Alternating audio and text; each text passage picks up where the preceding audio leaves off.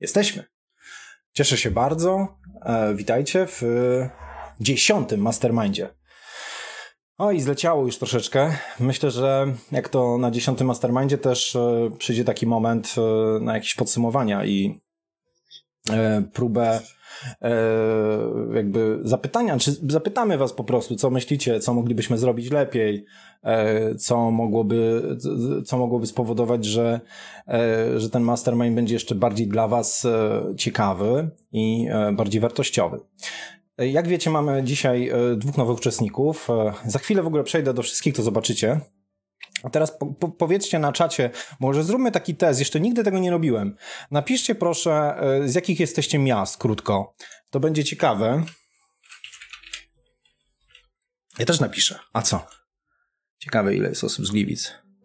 No, Kraków, Grek. Grek, ty zawsze jesteś pierwszy. Ja nie wiem, co się dzieje. Albo masz po prostu szybszy ten internet, albo nie wiem, co jest. E, Racibórz, to wiemy. Pawełek, Tarnobrzeg, Radek, Michał jest z Gdyni. No właśnie byłem ciekaw, skąd jest Michał Landowski. Gdynia tak mocno tutaj walczy. Michał jest zawsze, e, przynajmniej tak mi się wydaje, tak jest, zawsze to Michał widzę. E, Michał okolice Warki, Michał Budabar, e, Marcin Krosno, Krosno, e, Maciej Mikołów, Częstochowa. Fajnie was widzieć, super. Was też e, miło widzieć. Gdańsk, który miasto. Gliwice jest, dobra, do, o to chodziło. E, Piotr jest z Gliwic, cieszę się. E, nie ma nikogo z Hongkongu ani z Nowego Jorku, ale to wszystko przed nami. Dzień dobry, cześć, witajcie. Już was widać, już was e, powinno być też słychać. Dobry wieczór. Czołem. Dobry wieczór. wieczór. Cześć wszystkim. Już widzicie, już niektórzy, większość z was wie, że jest z nami e, w, w alfabetycznie. Jest Arkadiusz e, e, Mauric. Arkadiusz, czy to jest, tak się to wypowiada? Powiedz mi, bo ja powiem ci szczerze, za, nigdy cię o to nie zapytałem, bo nie miałem takiej potrzeby. Wiesz co, e, e, w zasadzie powinno się to wymawiać z francuska, czyli Moritz, ale ja, Moritz. ja osobiście nie myślałem nigdy o tym na początku, kiedy powstawał ten e, pseudonim, natomiast fakt jest faktem, że zawsze ludzie mnie o to pytają i to też powoduje taką pozytywne skupienie uwagi na mnie, za co, co, co nie znaczy absolutnie, że ja tej uwagi potrzebuję. Okej. Okay. Eee to jest, wiesz, dla mnie to jest w ogóle ciekawy temat pseudonimu. To w ogóle moglibyśmy o tym pogadać, e, jak to jest w fotografii, czy to jest dobry pomysł. E, mnie to bardzo interesuje osobiście, bo mam paru e, przyjaciół, którzy ma, używają pseudonimów, używają dwóch, dwóch nawet nazwisk często i mają jakby, są dwoma fotografami, w zależności co robią. To jest, to jest ciekawe. Jest z nami Jacek Siwko, cześć. Cześć, cześć, cześć wszystkim. Będę miał taką prośbę, żeby y, pamiętacie, w, przy, na drugim odcinku zrobiliśmy coś takiego, że, że y, każdy z nas y, miał taki, taką chwilę dla siebie, taki elevator pitch. E, przedstawił się i powiedział coś o sobie w taki sposób, który e, mówi nam coś więcej. To znaczy, możemy was wtedy poznać, czym się zajmujecie, dowiedzieć się, co wam tam w serduchu gra, E, co najbardziej lubicie. I to jest, myślę, fajny moment teraz. My nie, nie będziemy się wszyscy przedstawiać. Proponuję, żeby to zrobiły nowe osoby, natomiast e, e, przypomniało mi się coś bardzo ciekawego, zanim jeszcze zaczniemy. Na stronie e, Pokochaj Fotografię e, łamane przez Mastermind są wszystkie e, bio, czyli wszystkie takie opisy mniej więcej wstępne razem z, z linkami do stron. Także zapraszam, jeżeli ktoś chciałby E, za jakiś czas e, będziemy to zawsze podpinać, tak żebyście mogli sobie odświeżyć i sprawdzić, kto jest, e, kto jest tutaj właśnie u nas na Mastermindzie. Będziemy to rozszerzać, będziemy to uzupełniać. A teraz myślę, że co? Oddamy głos Arkadiusz, twoja, twoja chwila. Proszę powiedz coś nam o, o, o sobie. Wiecie co, ja może włączę taki tryb, który będzie milszy, czyli że ten, kto mówi, jest duży. Tak jest najlepiej. Dobry wieczór, moi drodzy. Y, bardzo w ogóle mi miło, że, że mogę tutaj z Wami ten wieczór spędzać i mam nadzieję, że to nie będzie e, pierwszy i ostatni oczywiście, że będzie jeszcze więcej okazji do tego. Więc bardzo dziękuję, że Michał się zgodził, żeby mnie przyjąć do tego szacownego grona. Czysta przyjemność. Nazywam się, Arkadi- nazywam się Arkadiusz Moritz. E, Zajmuję się zawodowo fotografią od e, jakiegoś tam czasu, chociaż osobiście uważam, że czas w przypadku e, takiej materii niesamowitej jak fotografia nie ma większego znaczenia. Bardziej chodzi o rzeczy dużo mm, głębsze i dużo mniej trudne do zdefiniowania. Fotografuję komercyjnie, ale też, też artystycznie. 12 lat temu, na samym początku, kiedy zaczynałem E, miałem taki moment, w którym wydawało mi się, że będę tylko fotografował portrety. Później przyszedł moment, w którym wydawało mi się, że będę fotografował tylko golasy. Potem przyszedł moment, w którym wydawało mi się, że będę fotografował modę tylko i wyłącznie. Ostatecznie wylądowałem z tym wszystkim naraz. Szukam co chwila nowych form wyrazu, uczę, staram się inspirować i przede wszystkim non-stop rozwijać. Witam serdecznie, dziękuję. Jak w telewizji, pięknie po prostu. Nie no, y, umiejętność przedstawienia się to jest, to jest coś, ale y, y, po więcej zapraszamy na Twoje strony i w, te, w Twoje aktywności. Wszystko, wszystko tam gdzieś proponuję podlinkować. Mamy już na stronie, ale tutaj też w, tym, w, tutaj w czacie za pierwszym razem zawsze warto wrzucić coś do, jakąś stronę. Jacek, zapraszam. Cześć wszystkim, nazywam się Jacek Siwko, e, chociaż niektórzy znają mnie jako właśnie mistrza mowy polskiej, oczywiście tutaj w cudzysłowie e, z podcastu Niezłe Aparaty. Na pewno jest ktoś e, ze społeczności niezłych, także jak będziecie tam tutaj tak mili, możecie wpisać w komentarzu, żeby mi tutaj dodać otuchy, że nie jestem sam w gronie tych tutaj tuz fotograficznych. E, więc kilka słów o mnie, no to jestem przede wszystkim ojcem, e, no i mężem, to tak e, jeżeli chodzi o, o kryteria ważności tych rzeczy, które uważam za, za słuszne i które rozwijam w życiu. Poza tym aktywnie fotografuję od tam powiedzmy 9 lat, żyję tylko z fotografii. W tej chwili wszystko zmierza ku temu, że będę żył tylko i wyłącznie z, z gadania o fotografii, co też podejrzewam jest e, ciekawą aktywnością życiową, ale, mm, ale taki przeskok zawsze w życiu jest e, ciekawy. E, I prawdopodobnie też część z Was miała taki też moment, że miała jakąś pracę, potem zmieniła na przykład na fotografię i, i, i, i to był fajny taki moment ciekawy, życiowy. No, no i myślę, że to są, to są takie przełomy, które, które się dzieją w życiu i mo, możliwe, że nawet dzisiaj poruszymy sobie ten, ten temat, a jeżeli tutaj um, moi interlokutorzy uznają, że to nudne, to może jakieś inne tematy. W każdym razie um, ja tak niespecjalnie śledzę, co się w ogóle w fotografii dzieje, więc jestem rad tutaj dołączyć do tak e, szacownego grona, bo być może um, będę dzięki temu na bieżąco. Także no tyle tytułem wstępu.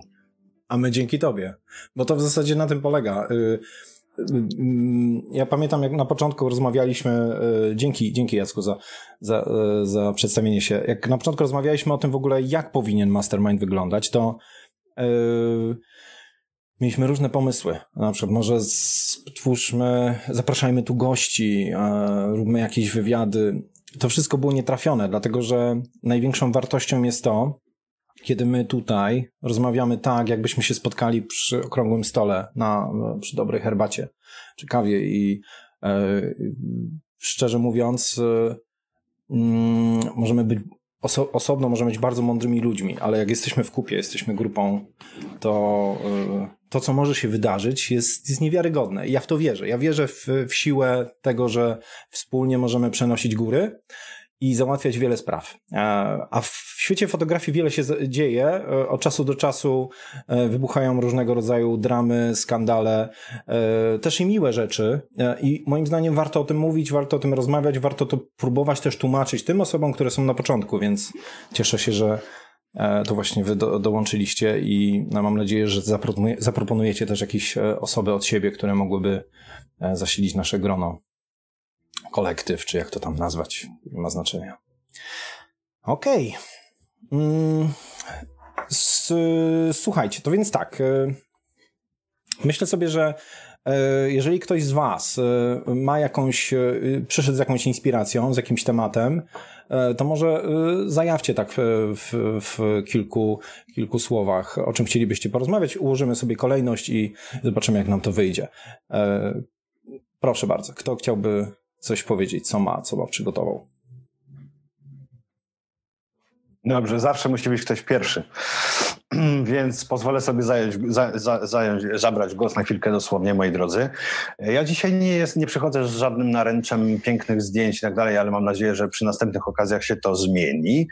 Natomiast raczej chciałbym rzucić taki temat, e, który w zasadzie mm, dość bezpośrednio mnie również dotyczy, a przynajmniej w ostatnim czasie dosyć mocno. Mianowicie chciałbym, abyśmy wspólnie tutaj z różnych perspektyw poruszyli temat tego, w jaki sposób fotograf osób jakby powinien się rozwijać, czy też twórca może, bo nie tylko, że fotograf, ale twórca ogólnie, jeżeli chodzi skąd czerpać inspirację i motywację, przede wszystkim i motywację do tego, żeby mhm. zdobywać kolejne, kolejne gdzieś tam, nazwijmy to szczebelki w tej drabinie. Temat na wiele spotkań moim zdaniem, super. Mhm. E, Okej, okay, kto jeszcze? Ja może tylko nie mam też inspiracji, ale chciałbym poznać wasze zdanie, może to też nie wiem, czy, czy można tak krótko na to odpowiedzieć, ale chciałbym poznać, ciekawy jestem, yy, co to jest sztuka w fotografii. Okej, okay, ale grubo dzisiaj, ale słuchajcie, jedziemy. Yy, Leszek się cieszy. Dawaj, Leszek, co masz? Tak, ja mam coś bardziej przyziemnego. Chciałem powiedzieć o takim wydarzeniu, które było już w grudniu. Krakow Street Photo Festival. No, nie chcę zaczynać teraz, ale no uważam, Że, jest, że jest to już coś, co było i się zamknęło, ale warte jest wspomnienia i no i może też refleksji. Okej. Okay.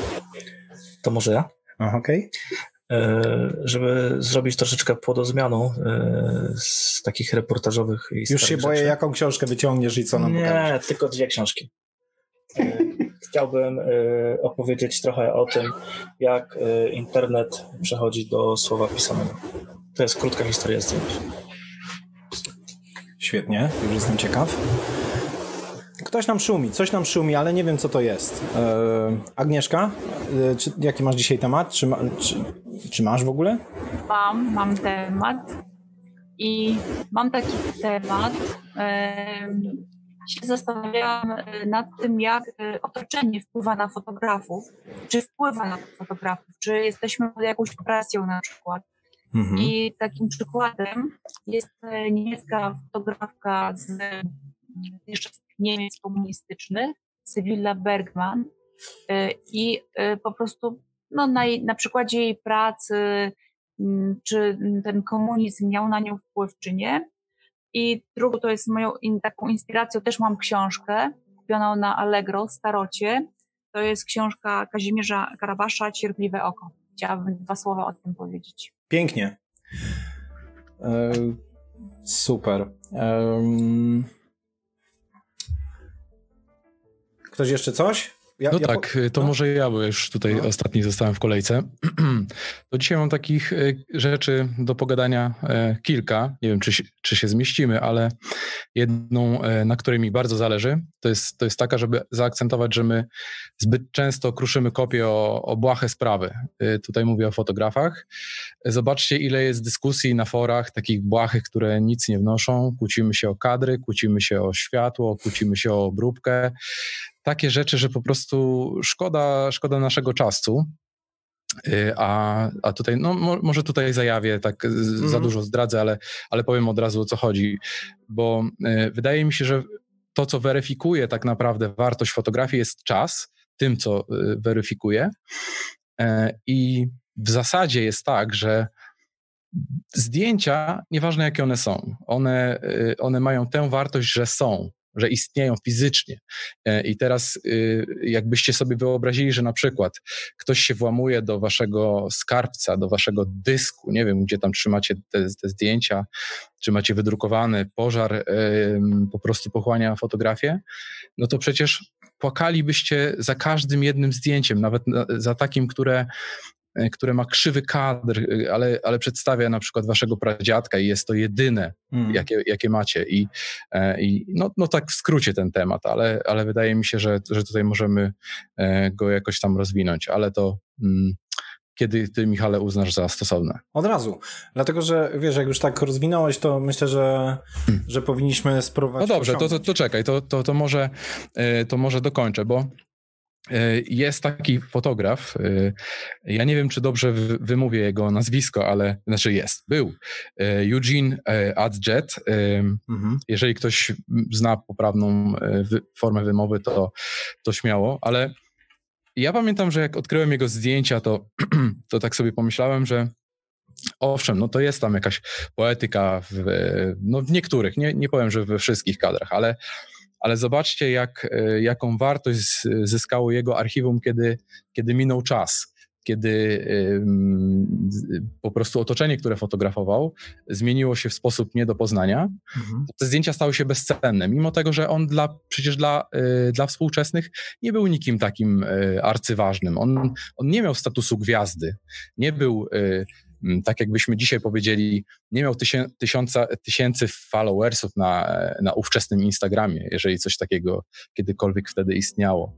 E, więc, e, więc wydaje mi się, że zdjęcia, które, których nie doceniamy e, dzisiaj, one, one zyskają nie, niesamowitą wartość w przyszłości tylko po prostu dajmy im czas i ochłońmy może z tych, z tych wszystkich dyskusji, e, wyjdźmy, wyciszmy się, znajdźmy sobie e, coś takiego innego poza, poza tym traceniem czasu. A wydaje mi się, że tutaj przecież fotografia to jest to, to, to nie jest coś takiego, taka jakaś dyscyplina jak, jak, jak w sporcie, że rywalizujemy ze sobą, tylko mm, my zajmujemy się takim ocalaniem czasu. Mm. A czas przecież można porównać do, do takiego podmuchu wiatru.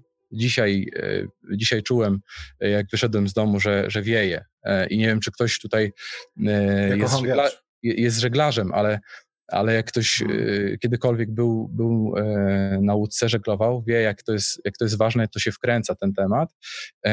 Jest ten podmuch i on, on nagle gaśnie i był, był, wiadomo. I tak samo sytuacja, którą fotografujemy, rejestrujemy, ona była, była, ale, ale już jej nie ma. I, i, i, I to jest jakby siła fotografii. I wydaje mi się, że, że my tutaj jako środowisko tracimy czas. Y, oczywiście, żebym nie był źle zrozumiany, ja nie mówię o tym, żeby robić beznadziejne zdjęcia i w ogóle nie dbać o, o kompozycję, bo to jest oczywiście arcyistotne. Mm, ale czy to jest, czy to jest najważniejszy czynnik fotografii? O, może, może w ten sposób. Tutaj rzucam pytanie w eter. Mhm. Kto pierwszy? Czy ktoś chciałby za zabrać głos? Komuś coś e, tu się nie zgodziło, albo zga zgadzacie się całkowicie z Jackiem? Ja mogę powiedzieć coś takiego na temat właśnie tego czasu w fotografii, że wiele tych zdjęć y, oczywiście nabiera z czasem y, swojej wartości, ale y, też bardzo ważne jest to, żeby one były dobrze opisane. Bo na przykład jak mamy takie zdjęcia e, sprzed tam nie wiem 100 lat, a niedługo to nie będzie już, to nie będzie już tak dużo, tak, bo e, historia fotografii nie jest taka stara, ale jak nie wiemy w ogóle kto jest na tym zdjęciu i co, tak, czy jakie miasto, czy coś, mhm. to potem trudno nam jest tą fotografię czytać i wartościować, tak jak to, o czym ty mówisz. E, podałeś przykład tego fotografa, E, i mówi, że tych miejsc już nie ma, ale my wiemy o tych miejscach, prawda? Nie tylko z tej fotografii, tylko na pewno są one opisane. E, myślę, że wiele zdjęć traci na wartości, bo one nie mają tych opisów, tych starych zdjęć. To, hmm. nie było takiej elektryczności, tak, komputerów, że jakby idzie ta, taka wiadomość za tymi zdjęciami, niesie się w, przez, przez komputer, tak? tylko mamy te zdjęcia teraz na papierze, możemy oczywiście je zeskanować, ale jak nie mamy, e, ja mam e, cały taki plik e, starych zdjęć takich na kartonikach, moich ciotek, moich tam babci, sióstr i całej mojej rodziny, ale tylko część jest podpisana. I te właśnie podpisane mają największą dla mnie wartość, bo ja wiem, że to jest właśnie ciocia Amelia, która była tym i tym i ona to i to zrobiła, tak? A druga kobieta, piękna sukienka, może ładniejsze zdjęcie, ładniejsza twarz, jakby bardziej wartość, znaczy wartościowe, to trudno tak powiedzieć, ale bardziej takie no piękniejsze zdjęcie. technicznie tak? lepsze, ale, tak. tak mhm, ale mhm. bez tego opisu ono mi nic nie mówi, nie? Po prostu ja je tak przekładam, no fajne zdjęcie, nie? Czyli ta wartość też jest jakby w tej informacji, jakby gdzieś tam. Tak. Tak mi się wydaje przynajmniej, nie? No ale nie wiem, czy ten sam opis jest e, na tyle istotny, e, chociaż nie, no to, to zgadzam się z tobą. Natomiast ja, ja ostatnio mówiłem e, na Flashem po oczach, tak, tak, takie mam pogadanki w internecie, mówiłem o takim zdjęciu... Możesz jakiegoś linka rzucić do tego tutaj na czacie? Mm, no to, to zaraz, zaraz mhm, mhm. wynajdę, ale przypomniało mi się takie zdjęcie, jak, jak, jak mówiłem które zrobił mój dziadek. E, I wyobraźcie sobie scenę. Krzywy kadr totalnie. Nie, nie wiem, co tak szumi, ale... No właśnie coś szumi. Przepraszamy no was za to, ale to pierwszy raz mamy coś takiego i, i nie, mm. wiem, nie wiem, co to. W każdym razie jest strasznie krzywy kadr y, i y, centralna postać, znaczy postać, którą y, mój dziadek fotografował, czyli babcie, jest, jest tak jakby na skraju kadru, prze, przepołowiona na pół. I, I zdjęcie powiedzielibyśmy tutaj na czacie, że beznadziejne, a dla mnie ważne. Więc, więc to jest też, to jest wiesz, też istotne. Ale ty wiesz, że na tym zdjęciu jest twój dziadek, tak? Mhm. Nie, nie, to on jest autorem. A, on jest autorem, no tak, mhm. ale wiesz, masz jakby to zdjęcie, a gdyby e, nie było tej informacji, nie, to wiesz, to... No tak, tylko że e, kto tu jest, powiedzmy, jury e, tak, w takim ocenianiu, wiesz, tutaj...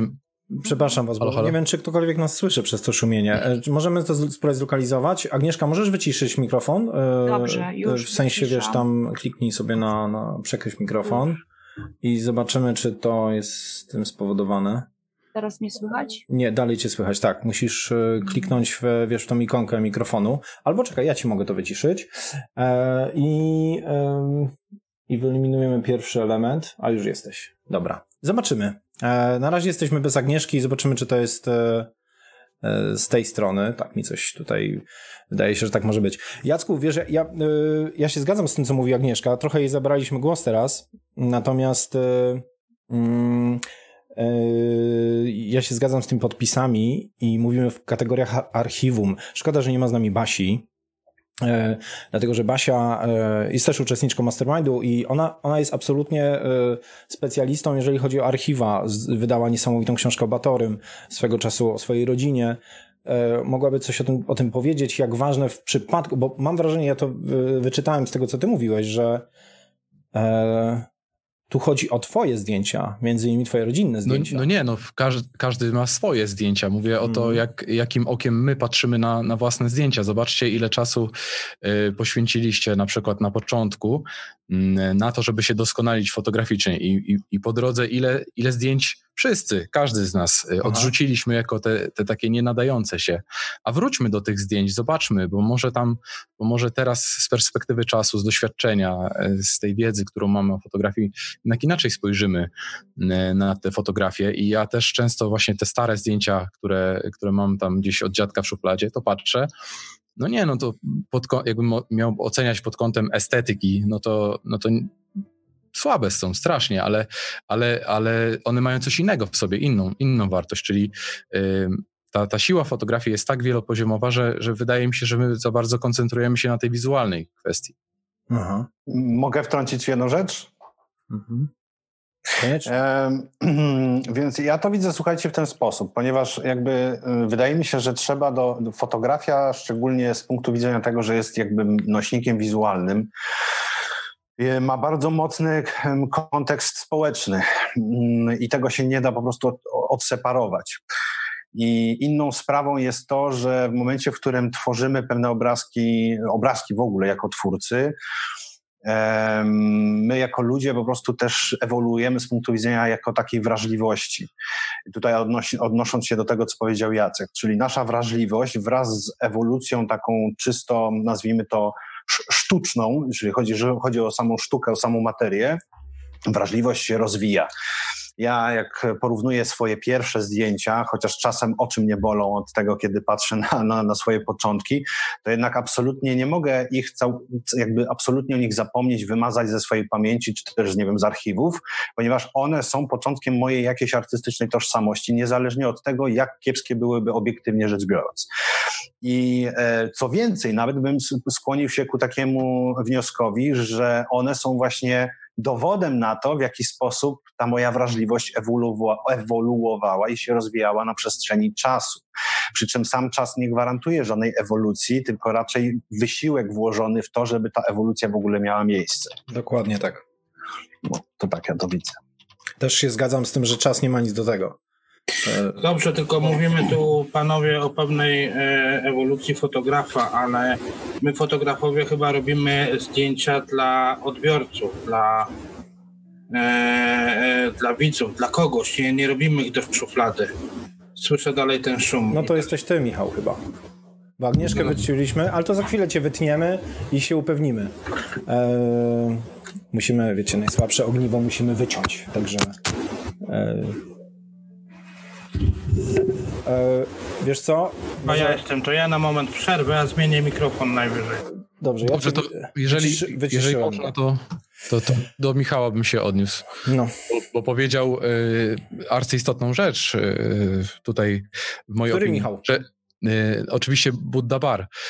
E, przemawiający tutaj przede mną, e, powiedział, że robimy zdjęcia dla klientów. A ile razy, tak z ręką na sercu, teraz e, mówię do, do Was i do, do słuchających w tej chwili, ile razy oddawaliście zdjęcia, co do których nie mieliście pewności? Myślę, że fotografowie, którzy gdzieś tam w, kategoriach ślubno-rodzinnych się poruszają, mieli takie, takie no momenty. No właśnie, i tu widzisz, że, że ludzie, o, o, czekajcie, dokończę. No. Że ludzie prosili was o to, żeby, a zrób mi zdjęcie z wujkiem i sytuacja była taka, że było słabe światło, y, okolica powiedzmy nie, nie za fotogeniczna, ale zrobiliście to zdjęcie mhm. E, i ono z, właśnie z takiego czysto fotograficznego punktu widzenia e, no, nie, nie było niczym, co byśmy wstawili na media społecznościowe, e, a mimo wszystko ludzie byli zadowoleni z tych zdjęć, bo, bo były te zdjęcia. No i Pierwszym poważnym błędem, który, e, znaczy to nie jest poważny błąd, ale to jest pierwszy, pierwszy błąd w twoim myśleniu, jest to, że ty patrzysz przez pryzmat tego, co ty robisz. E, powiedziałeś e, przed chwilą o, o, klientach do osób, e, które tu w większości nie mają tych klientów, tak? E, e, wiesz, i to jakby na przykład nie my, są te osoby, takie jak Leszek, jak Agnieszka, jak... Ale ja również nie miałem na myśli klientów. O, jak ty ładnie brzmisz teraz. Zmieniłeś mikrofon, czy co? Kabelkami poruszyłem. No, to ich nie dotyka już. A wróćcie na Agnieszkę, bo mi jej brakuje. E, Przepraszam. Oddajcie jej mikrofon. E, wiesz, e, jakby, Jacko, chodzi mi o to, że zawsze cokolwiek mówimy, jak, jak, jak, jak mówimy o, o czymś to zawsze patrzymy z naszego punktu widzenia, z tego, jak my postrzegamy świat fotografii. I ten i wartością tu na Mastermindzie na pewno jest to, że możemy popatrzeć szerzej na, na to, bo Agnieszka mówi z punktu widzenia archiwum, E, wiesz, prowadzenia pamiętników domowych na przykład, czyli mówi całkowicie o sobie. Ty mówisz o klientach też. E, o, do Nie, ja tylko się odniosłem e, w stosunku no, do tego, wiesz, co, ale Michał Ja na przykład, powiedzieć. wiesz, patrzę na to, jak na projekty, jakieś dokumenty długo, długoterminowe i, czy, i czy, ja, czy ja na przykład wracam do zdjęć sprzed 20 lat. Oczywiście, że wracam i e, mam na to kilka recept przede wszystkim. E, już nie chcę zmieniać tematu, ale uważam, że drukowanie to jest podstawa w ogóle, dlatego, że zdjęcia w formie cyfrowej dla mnie e, nie mają takiej wartości jak e, wydrukowane i sprawdziłem to na wielu płaszczyznach i mogę o tym długo rozmawiać. Oczywiście, że żyjemy w, innym, w innych czasach i wiele osób ma swoje portfolia i zdjęcia, zestawy na, na, na iPadach, na telefonach i na, na superkomputerach i, i funkcjonuje cyfrowo, ale nic nie zastąpi e, obcowania z obrazem, który, który jakby e, emanuje światłem odbitym, a nie, wiecie, tak nie jest po prostu wymiar, dwuwymiarowym obrazem na ekranie. To jest gigantyczna różnica, e, a poza tym ten gest podarowania komuś zdjęcia, czy też pokazania możesz usiąść ze swoim dzieckiem i pokazać mu album, to jest wiecie, to, to, to, są, to są inne stany w ogóle, nie? I, i, i to uważam za, za jeden z piękniejszych elementów, e, jeżeli chodzi o odkrywanie e, starych zdjęć. Ale ty ruszyłeś bardzo dużo wątków, bo między innymi powiedziałeś też o odkrywaniu e, osób, jak mówi się Eugenie, które nie byłyby odkryte, tak jak na przykład tak jak na przykład co to za szum? Nie wiem, trwanie u mnie. Ja, jak mówię słowo tak jak, to wtedy zaczyna szumieć. Może masz Siri uruchomione i Siri reaguje na, mój, na, mój, na moje komendy. Yy, chciałem powiedzieć o Vivian Mayer, tak, która została odkryta yy, i zobacz, jaką to ma gigantyczną wartość, ale jednocześnie nie wszystkie zdjęcia mają podpisy, albo w ogóle nie są opisane, te, te, te koperty nie były i my tak naprawdę oglądamy anonimowe postacie. Ja, ja chciałem tutaj, no. jeśli można, odpowiedzieć na pytanie Michała, Michała Landowskiego, który w czacie napisał, dlaczego nie dla siebie. Y, ja dla siebie robię wiele zdjęć, ale te zdjęcia, które są dla mnie, nie są nigdzie publikowane. E, więc myślę, że w momencie, kiedy decydujemy się na publikację jakiegokolwiek zdjęcia, no to nie możemy powiedzieć, że jest to fotografia tylko zrobiona dla siebie, bo jednak tą fotografię komuś pokazujemy, dzielimy się tym obrazem, dzielimy się tą zatrzymaną chwilą, więc jest to troszeczkę chyba mm, inny ten mój punkt widzenia. E, tak się grzecznie przysłuchuje temu Leszek i Paweł. E, dajmy im głos, bo jestem bardzo ciekaw. Chciałbym się odnieść do Mogę, Leszku? Tak, jasne. Możecie razem mówić. E, nie, to będzie kakofona. E, w kontekście fotografii mm, reportażowej. I tutaj trochę tak jak Jacek miał e, rację, że czasami robimy zdjęcia. Ja nie wiem, czy to ja? Nie, ja nie wiem. Nie wiem kto, szczerze powiedziawszy. Spróbuję mówić. Yy, I chodzi o takie sytuacje, że na przykład też czasami robimy zdjęcia reportażowe, też których jakby nie do końca chcemy, ale powiedzmy, że robimy je dlatego, że ktoś nas poprosi. Wiemy, że one nie wejdzie do portfolio, ale jakby otworzy nam otworzy nam tą drugą osobę, czy te osoby na, na, na, na takie zdjęcia, które chcieliśmy wykonać. Więc y, trochę rozumiem Jacka, bo nawet y, pamiętam y, bodajże w którymś tam swoim podcaście y, Niezłych Aparatów opowiadał właśnie o tych zdjęciach y, i wujkowych. I często jest takie coś, że robimy takie zdjęcia, y, ale to też jest jakiś taki, jakiś taki półśrodek do zdobycia czegoś więcej. To tak moje przemyślenia. Minęło 31 minut i właśnie się zorientowałem metodą prób i błędów, że jest to Leszek. E, bo Leszku, twój mikrofon coś nie działa niestety, bo właśnie cię wyciszyłem, jest wszystko w porządku. Więc e, ogarnij to proszę, bo, e, bo to trochę przeszkadza nie tyle e, nam, bo my sobie z tym poradzimy, ale osoby, które nas słuchają mogą... A ja nie wiem, czy to nie jest jakiś problem na łączu, bo tak naprawdę wypadło wiesz, na Agnieszkę, wypadło na mnie, teraz na Leszka. A wiesz co, szukaliśmy, szukaliśmy, Michał, ale wiesz co, ja postanowiłem w trakcie rozmów wyłączać was po kolei. I w czasie szumienia, jak wyłączyłem Leszka, to ustało. I teraz też jest cichutko, nie? Jest dobrze, a Leszek jest wyłączony. Zobacz, że jest ok. Okula możemy też wyeliminować, bo mówił przed chwilą i nic nie szumiało. Dobra, słuchajcie, za dużo o tych technicznych problemach, to tak nie powinno być. Nie, niech to jest za nami. E, Jacku, czy chciałbyś coś, jakby wiesz, odbić piłeczkę, coś, czy, czy to w ogóle wiesz, idzie w dobrą stronę? E, wiesz, porzuciłeś dużo różnych wątków. Nie wiem, czy E, ja wiem, bo to mhm. mój umysł, właśnie witajcie w, w, świecie mojego umysłu, tak, tak działa. Mhm. Ciężko -hmm. się połapać. E, ja, ja się dziwię, że się w ogóle z kimś dogaduję. E, w każdym razie taka myśl przewodnia do fotografów, niezależnie czy na, na którym, na jakim etapie rozwoju są, więcej luzu. Może tak, może po prostu więcej luzu w stosunku do tego, że, że te zdjęcia nie za każdym razem muszą wygrywać WordPress Photo. Kolejny Pamięta... wątek, Jacuś. Pamiętajcie, Pamiętaj. ale nie, teraz będzie, teraz będzie takie wrap up, podsumowanie. A, dobra. E, pamiętajcie, że, e, bo ja, bo ja słuchałem kiedyś właśnie e, waszej rozmowy tutaj na Mastermindzie, była mowa o The Americans, tym, tym albumie. Mhm. Ja pamiętam takie odkrycie, że że ten Frank, tak, dobrze pamiętam jego nazwisko, on, mi się wydawało, że to geniusz. Robert Frank. Mhm. Tak, że to geniusz. On za każdym razem po prostu strzelał te foty tu z biodra, tam nie patrząc się i tak dalej. Mhm. Ale jak, jak zobaczyłem stykówki, zobaczyłem ilość powtórzeń, ilość prób tego, żeby uchwycić i potem usłyszałem historię e, Cartier-Bressona, przecież mistrza, poety fotografii, ma, malarza z wykształcenia, m, z, który zna kompozycję i wszystko, wszystko po prostu super ogarniał. Ile, ile y, rolek tam poświęcił, żeby złapać tego człowieka, który na tle e, plakatu z, z ogłoszeniem, że tam jest balet, skacze człowiek tam z drabiny przez kałużę, ile tam on spędził czasu, to hmm. sobie pomyślałem, no to nikt nie jest na tyle genialny, żeby za każdym razem mu wychodziło zdjęcie, które, które staje się ikoną, czyli my, my za bardzo chyba się y, skupiamy na tym, żeby, żeby dążyć do tej perfekcji. Oczywiście starajmy się być lepszymi fotografami, ale więcej luzu. O, taka myśl przewodnia i ja już może skończę ten temat, mm -hmm. bo bo faktycznie pójdziemy w, nie wiem w którym kierunku nawet. To nie jest tak łatwo skończyć temat, tym bardziej, że rozgrzebałeś kolejny i to moim zdaniem... To może ja e, przeskoczę do swojej inspiracji, bo to się zazębia. E, za chwilę, za chwilę okay. Ale wiesz, tutaj jest bardzo ważny temat. E, jakby Leszek o tym mówił, szkoda, że, że mu odjęliśmy głos. O tym, o tym konflikcie trochę między Bresson a, a Frankiem.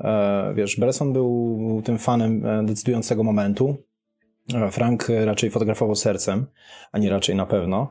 E, I temat, który poruszasz o ilości zdjęć, które, które się robią, to, jest, to, to, to nie był w ogóle temat w tamtych czasach. To znaczy, e, reporterzy robili kilka rolek, jak, byli, jak fotografowali coś i, to, i to było całkiem normalne, że później ze stykówki wybierali zdjęcie.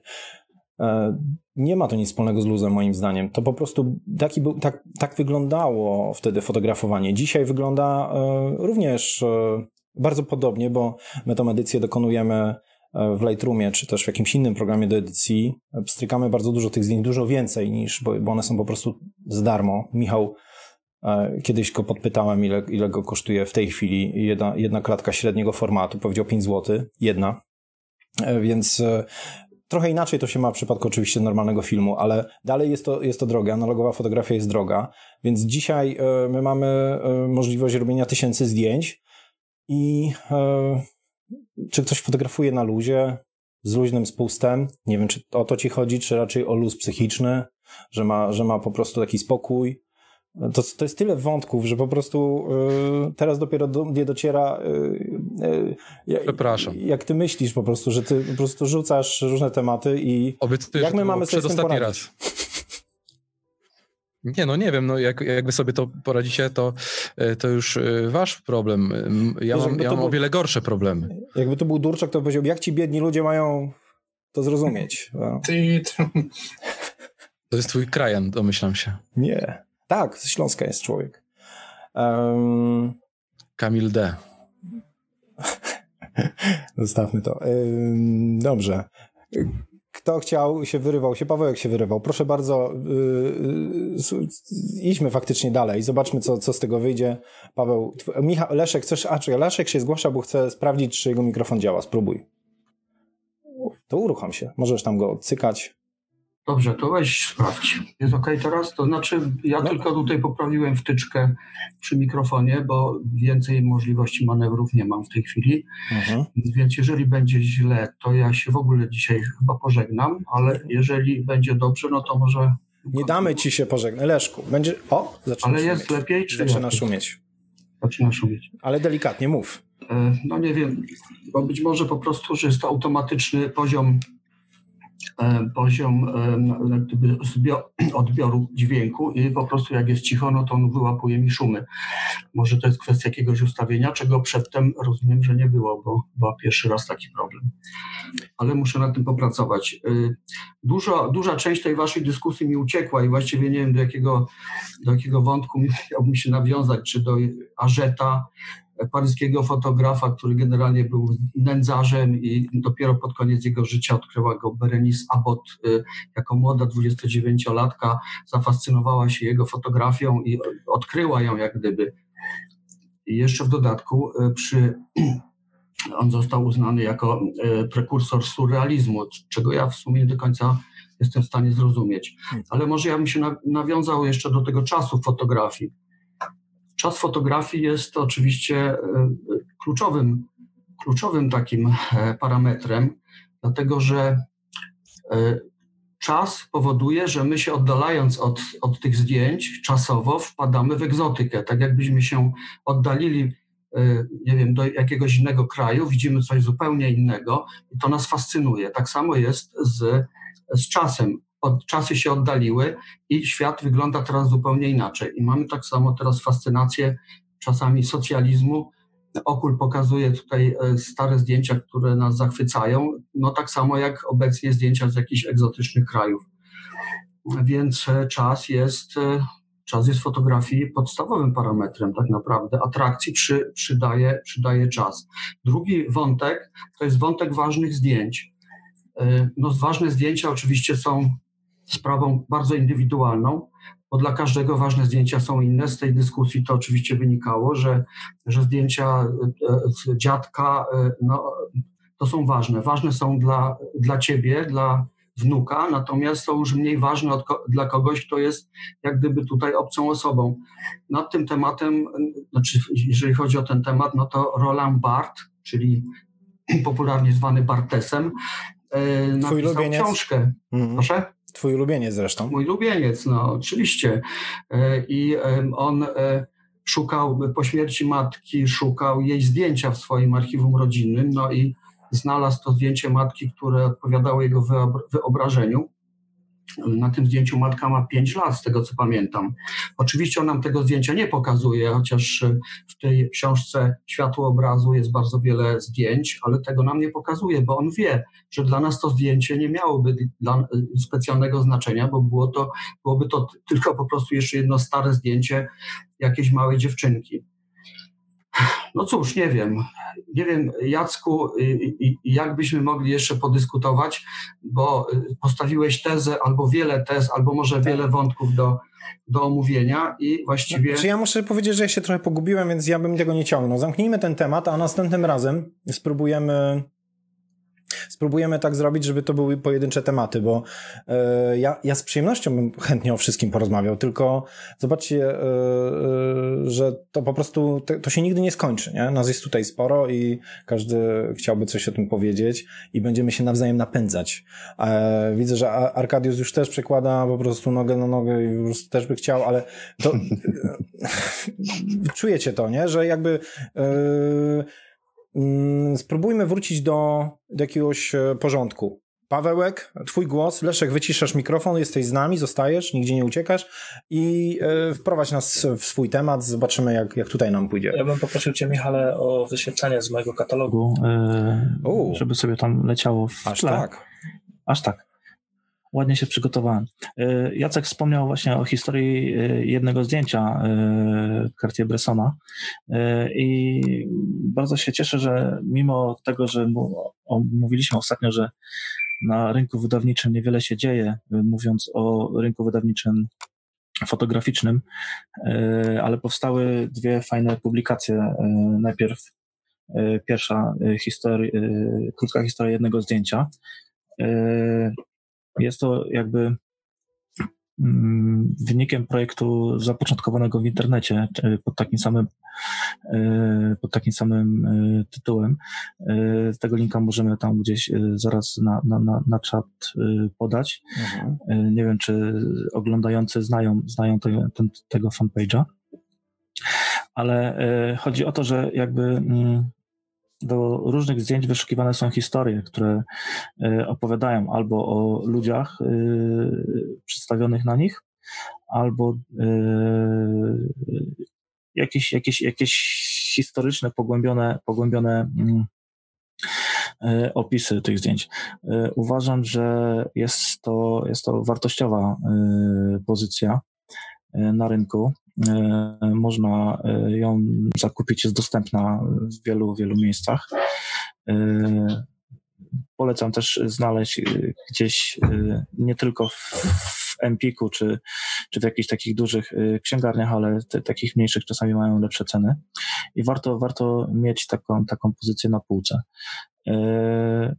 To jest takie mm, taka też trochę kartka z kalendarza, którą można sobie e, co jakiś czas brać i, i obojętnie na której stronie otworzyć i sobie przeczytać e, o, o, o paru, paru, paru fotografiach. E, myślę, że to jest jakiś tam sukces tej, tej, tej, tej pozycji, bo powstała, powstała jakby druga która odnosi się tylko i wyłącznie do kobiet. I tutaj wspomniana przez Ciebie, Michale, Vivian Mayer, która ilustruje ilustruje właśnie drugi tom e, e, na, na, na, na okładce. Mhm. to są bardzo, bardzo, bardzo fajne, przy, przy, przyjemne opisy, też dające do myślenia. Yy, jeżeli tam skończy się mój głos, to spróbuję tam jeszcze linki powklejać, y, tak żeby móc posłuchać, co autor tego fanpage'a i, i, i książki Jakub Kuza mówi na ten temat, na temat tej, tej publikacji.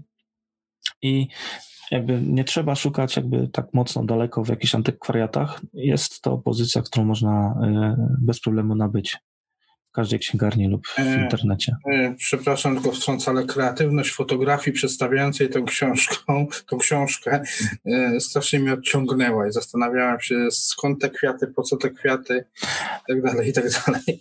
Nie są to moje kwiaty, to są znalezione... No myślałem, że tak, tak, tak, tak, bo widziałem podpis tam, tak. Tak, znalezione, nie chciałem tego, chciałem to po prostu, mm, mhm. chciałem to y, pokazać, jak ktoś, jak ktoś y, Jasne. Czy ktoś, z was prostu... jeszcze, czy ktoś z Was jeszcze poza, poza Pawłem widział te książki? Mieliście to w rękach? Ja widziałam. Bo y, ja ich nie widziałem, y, więc to, co powiem, może być y, w ogóle nie. Widzę tylko to, co, co, co, jak to jest skonstruowane. Mam wrażenie, że jestem ciekaw, kto to edytował i czy to nie jest skok na kasę po prostu. Przepraszam, że tak bezpośrednio, ale po prostu patrzę na to tak, jak to widzę. Dlaczego tak myślę? Ponieważ widzę, co jest, e, co tu jest, jak to jest skonstruowane. Są zdjęcia, są lata i jest jakiś opis historyczny, jakby opis do tego zdjęcia.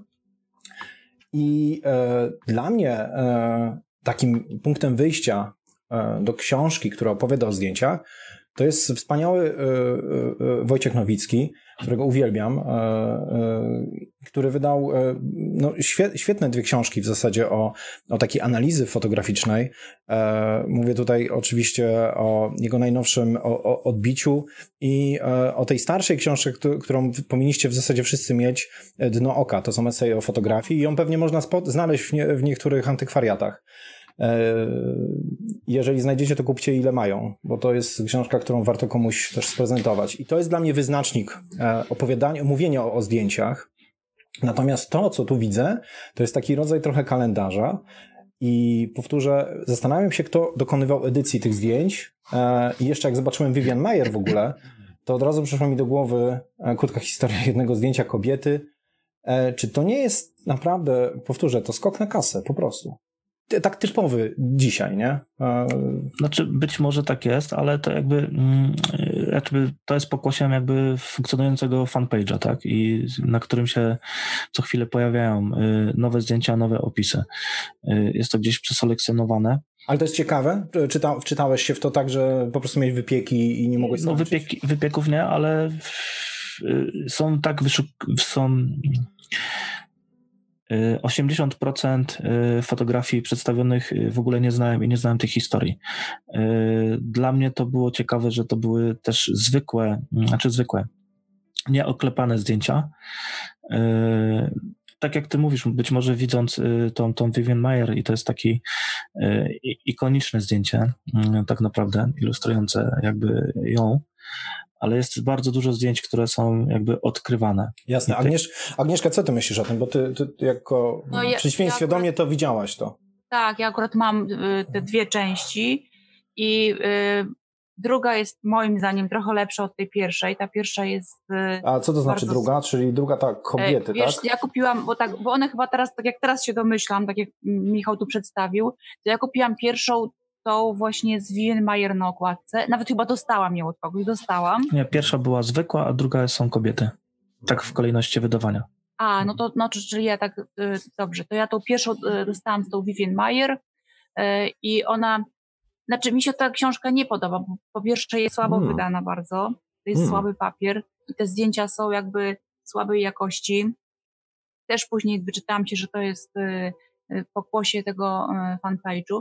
Natomiast te informacje są bardzo słabe. Tam, tam w zasadzie, no one są takie bez treści. Nie wiem, czy to są takie wynajdywane gdzieś z, z, in, z internetu, jakiś taki opis. E, mało jest o e, autorze mm, czy autorce zdjęcia. E, no ja nie jestem za tymi zdjęciami, za tymi książkami. Okay. Absolutnie. A już ta, ta druga, którą już sama kupiłam, właśnie to w ogóle zdjęcia mi są znane i jakby no, nie wiem, no to jest... Rozumiem, że dla pozostałych to też jest e, nie, nie wiadomo, tak? Czy, czy macie jakieś, jakieś przeczucia, jak na to patrzycie? Czy... Znaczy mnie już zniechęciły te zdjęcia przedstawiające tę książkę, więc to tak jakieś takie tanie granie mi to było i tutaj potwierdziło, ci nie pasują. No to nie cię, pasują mi. To, To jest akurat jeden z lep... boli mnie po oczach. No. Michał, to jest akurat jeden z lepszych e, zdjęć pakszotowych, jakie widziałem w ogóle z książką. To, prostu, to, to, to się ociera o skandal, więc e, skandal sprzedaje dzisiaj, więc proszę. Więc no to właśnie dlatego bym tego nie kupił, no. Gerbery. na to. Tutaj podzielam e, e, twoje zdanie, Michale i Agnieszki bardzo, bo, bo już Mhm. mówię, same zdjęcia, niestety ja patrzę oczami, wiele rzeczy mi nieraz prze, przeszkadza i, i, i, i tam no, zniechęca mnie to, no zniechęca. Tak patrzę na czat, Wiecie czy co? tutaj ktoś e, Ale czytał, można, widział Można to i tak może coś potraktować to jako właśnie taką zachętę dla takich ludzi mało fotografujących. No może to jest dla nich pozycja. Teraz tak myślę, no, że nie wiem. Mhm. W sensie, że co, że to jest propozycja dla gospodyń domowych, tak? Że takie, No, takie tak- zachęcające takiego. pakszoty, Znaczy flat light, czy jak to się tam... Dla kucharzy. Do kotleta. Nie no, Mogę ja słowo? Jasne, jasne. Mam nadzieję, że nie będzie brzęczeć. To znaczy, ja znam te dwie pozycje z księgarni, bo ja sobie oglądałem obie, ale ich nie kupiłem, więc może tu bym, tu bym po prostu tą tezę, że się obroniłem przed skokiem na w moim przypadku, ale ja nie, nie, nie e, ja bym nie powiedział, że to jest e, aż tak strasznie zła pozycja. Jest to pozycja podstawowa, która pokazuje też jakieś no, ważne zdjęcia w ujęciu ujęciu powiedzmy rocznym czy chronologicznym jest bardzo wiele tego rodzaju y, wydawnictw no, opartych na tej koncepcji. Nie wiem, o, chyba dwa odcinki temu mówiliśmy o Adamie Mazurze i o jego y, książce, która jest w bardzo podobny sposób zbudowana, z tym, że oczywiście nie mówmy o, o porównywalności, bo tego porównywać się oczywiście nie da. Pod, y, opisy są bardzo podstawowe. Ja znam ten fanpage i czasami powiedzmy dla rozrywki wejdę i przeczytam sobie coś na temat jakiegoś zdjęcia, tylko no tak jak mówię, jest to coś, co na pewno dla ludzi początkujących może być interesujące i że w ogóle może być dla kogoś interesujące, że do zdjęcia można napisać jakiś kawałek tekstu. Y, Nie wiem, pozycja absolutnie podstawowa, ja jej y, nie mam, ale y, te głosy krytyczne, które w tej chwili E, wypowiadacie, moim zdaniem są trochę niezasłużone. No tutaj patrzę na czat, wiesz, i e, widzę, że jest e, parę pozytywnych komentarzy, to cieszy. Greg napisał e, krótka historia jednego zdjęcia, dobra, polecam. E, ktoś tutaj, przeczytałem przed chwilą, napisał, że że, że, że, że, że, że, że, że ktoś to ogląda. Znam opinie ludzi, którzy nie są ze świata foto i dla nich e, to robiła wypieki na twarzy. Także y, to, to no dobrze. i myślę, no. że to jest dla takich właśnie kierowane. Ja może stanę w obronie albumu. No. Nie widziałem go co prawda, ale mm, tak mi przyszło do głowy, że y, praktycznie co kilka lat mamy na rynku wydawniczym taką próbę zrobienia jakiegoś zbioru zdjęć, takiego, takiej szerokiej, e, szerokiej publikacji, e, powiedzmy bez jakiegoś tam e, myślenia takiego przewodniego w takich publikacjach i ona jest z reguły przeznaczona do, dla szerokiej publiczności i nam jako fotografom albo też amatorom fotografii w tym rozumieniu takim wiel, jako wielbiciele chyba powinno zależeć na tym, żeby wychodziły książki, które oswajają z fotografią, które zapraszają wręcz do, do świata fotografii takich właśnie y, laików, którzy czy ja wiem, no, no nie muszą mieć jakiejś takiej głębokiej wiedzy, ale, ale myślę, że takie, takie pozycje wyjściowe, takie jak, jak to, przynajmniej co zobaczyliśmy, no to Mhm, to jest mhm, taka, taka fajna zachęta może, o, w ten sposób bym to mhm. y, opisał. Okej. E, No, wiecie, no, te, te, kto co lubi. Ja, ja, ja, ja jestem, jestem wielkim fanem e, takiej głębszej analizy, tak jak Ale to Michał. Landowski napisał, że nie jesteśmy grupą docelową. O. Tak, może, może tak właśnie jest. E, jednak zdjęcie powinno być wydrukowane moim zdaniem dobrej jakości, na do, dobrej jakości papierze. I to jest jednak fotografia, a nie gazeta. Ale e, jeżeli Leszek nie kupił, to dla mnie to jest rekomendacja. A gościu już nie ma miejsca w domu, więc e, może dlatego. No dobra. E, Paweł, dzięki za, za te rekomendacje. Chodziło nie, o dyskusję. Nie dla nas. Pamiętasz. Ale wróć lepiej do tych zdjęć z lat 60., 70. E, jest trochę tego, wiesz, kołdelka tam. Sporo jest tych, wiesz. Ja wiem, że, że my za, tu, tu, tu cię widzimy, w tej przestrzeni. E, tu nas zawsze zachwycisz. A można pomysł rzucić dla Leszka? Mhm. No to ja mam taki pomysł, Leszku, dla ciebie, e, ponieważ zmartwiłem się, że nie masz już miejsca na półce i ja miałem ten sam problem tematyka zgoła inna niż, niż fotografia, ale zrobiłem coś takiego jak e, taki e, wioskowy book, book crossing e, i, i wystawiłem moje książki po prostu, no oczywiście z pieczątką do tego, żeby krążyły po, po wiosce, bo ja tutaj może nie wspomniałem, mieszkam na Mazurach w takiej miejscowości, w której w porywach mieszka 500 osób. No i ludzie sobie przychodzą, pożyczają, oglądają, czytają e, książki. może coś takiego zorganizować w sumie fotograficznego, żeby też szerzyć tę wiedzę fotograficzną. Nie wiem, e, tak rzucam jako, jako taki pomysł, co można zrobić z książkami, jeżeli się już nie mieszczą na przykład.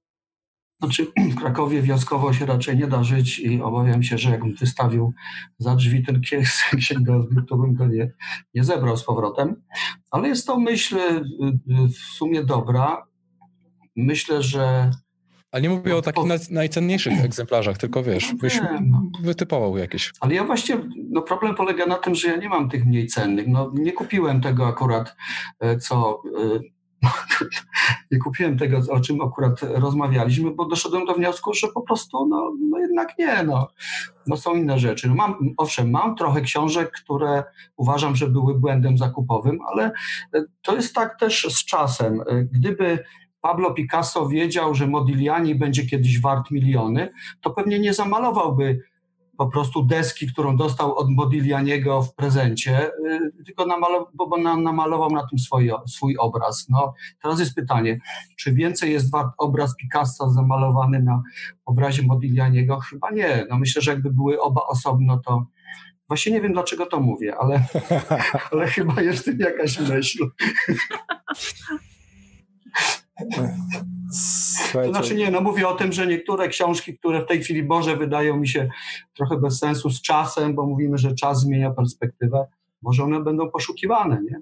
Kto wie. Ja nie wiem, czy nie powinniśmy w Mastermindzie wprowadzić w ogóle kącika z książkami i rozmawiać o książkach zawsze, bo to jest zawsze mhm. ciekawy temat. Bardzo dobrze by Ale o, o, mądrych książkach i o takich, które polecilibyśmy za, e, zawsze i e, które warto mieć na półce, bo zobaczcie, że żyjemy w czasach takich trochę minimalistycznych, pozbywamy się rzeczy, coraz mniej rzeczy kupujemy, e, niektórzy mają Kindla, jednak z tą albumami, albumami fotograficznymi jest inaczej, warto jednak mieć album, to jest zupełnie coś innego, jak się, jak się trzyma w ręku e, i te zdjęcia można oglądać w super jakości.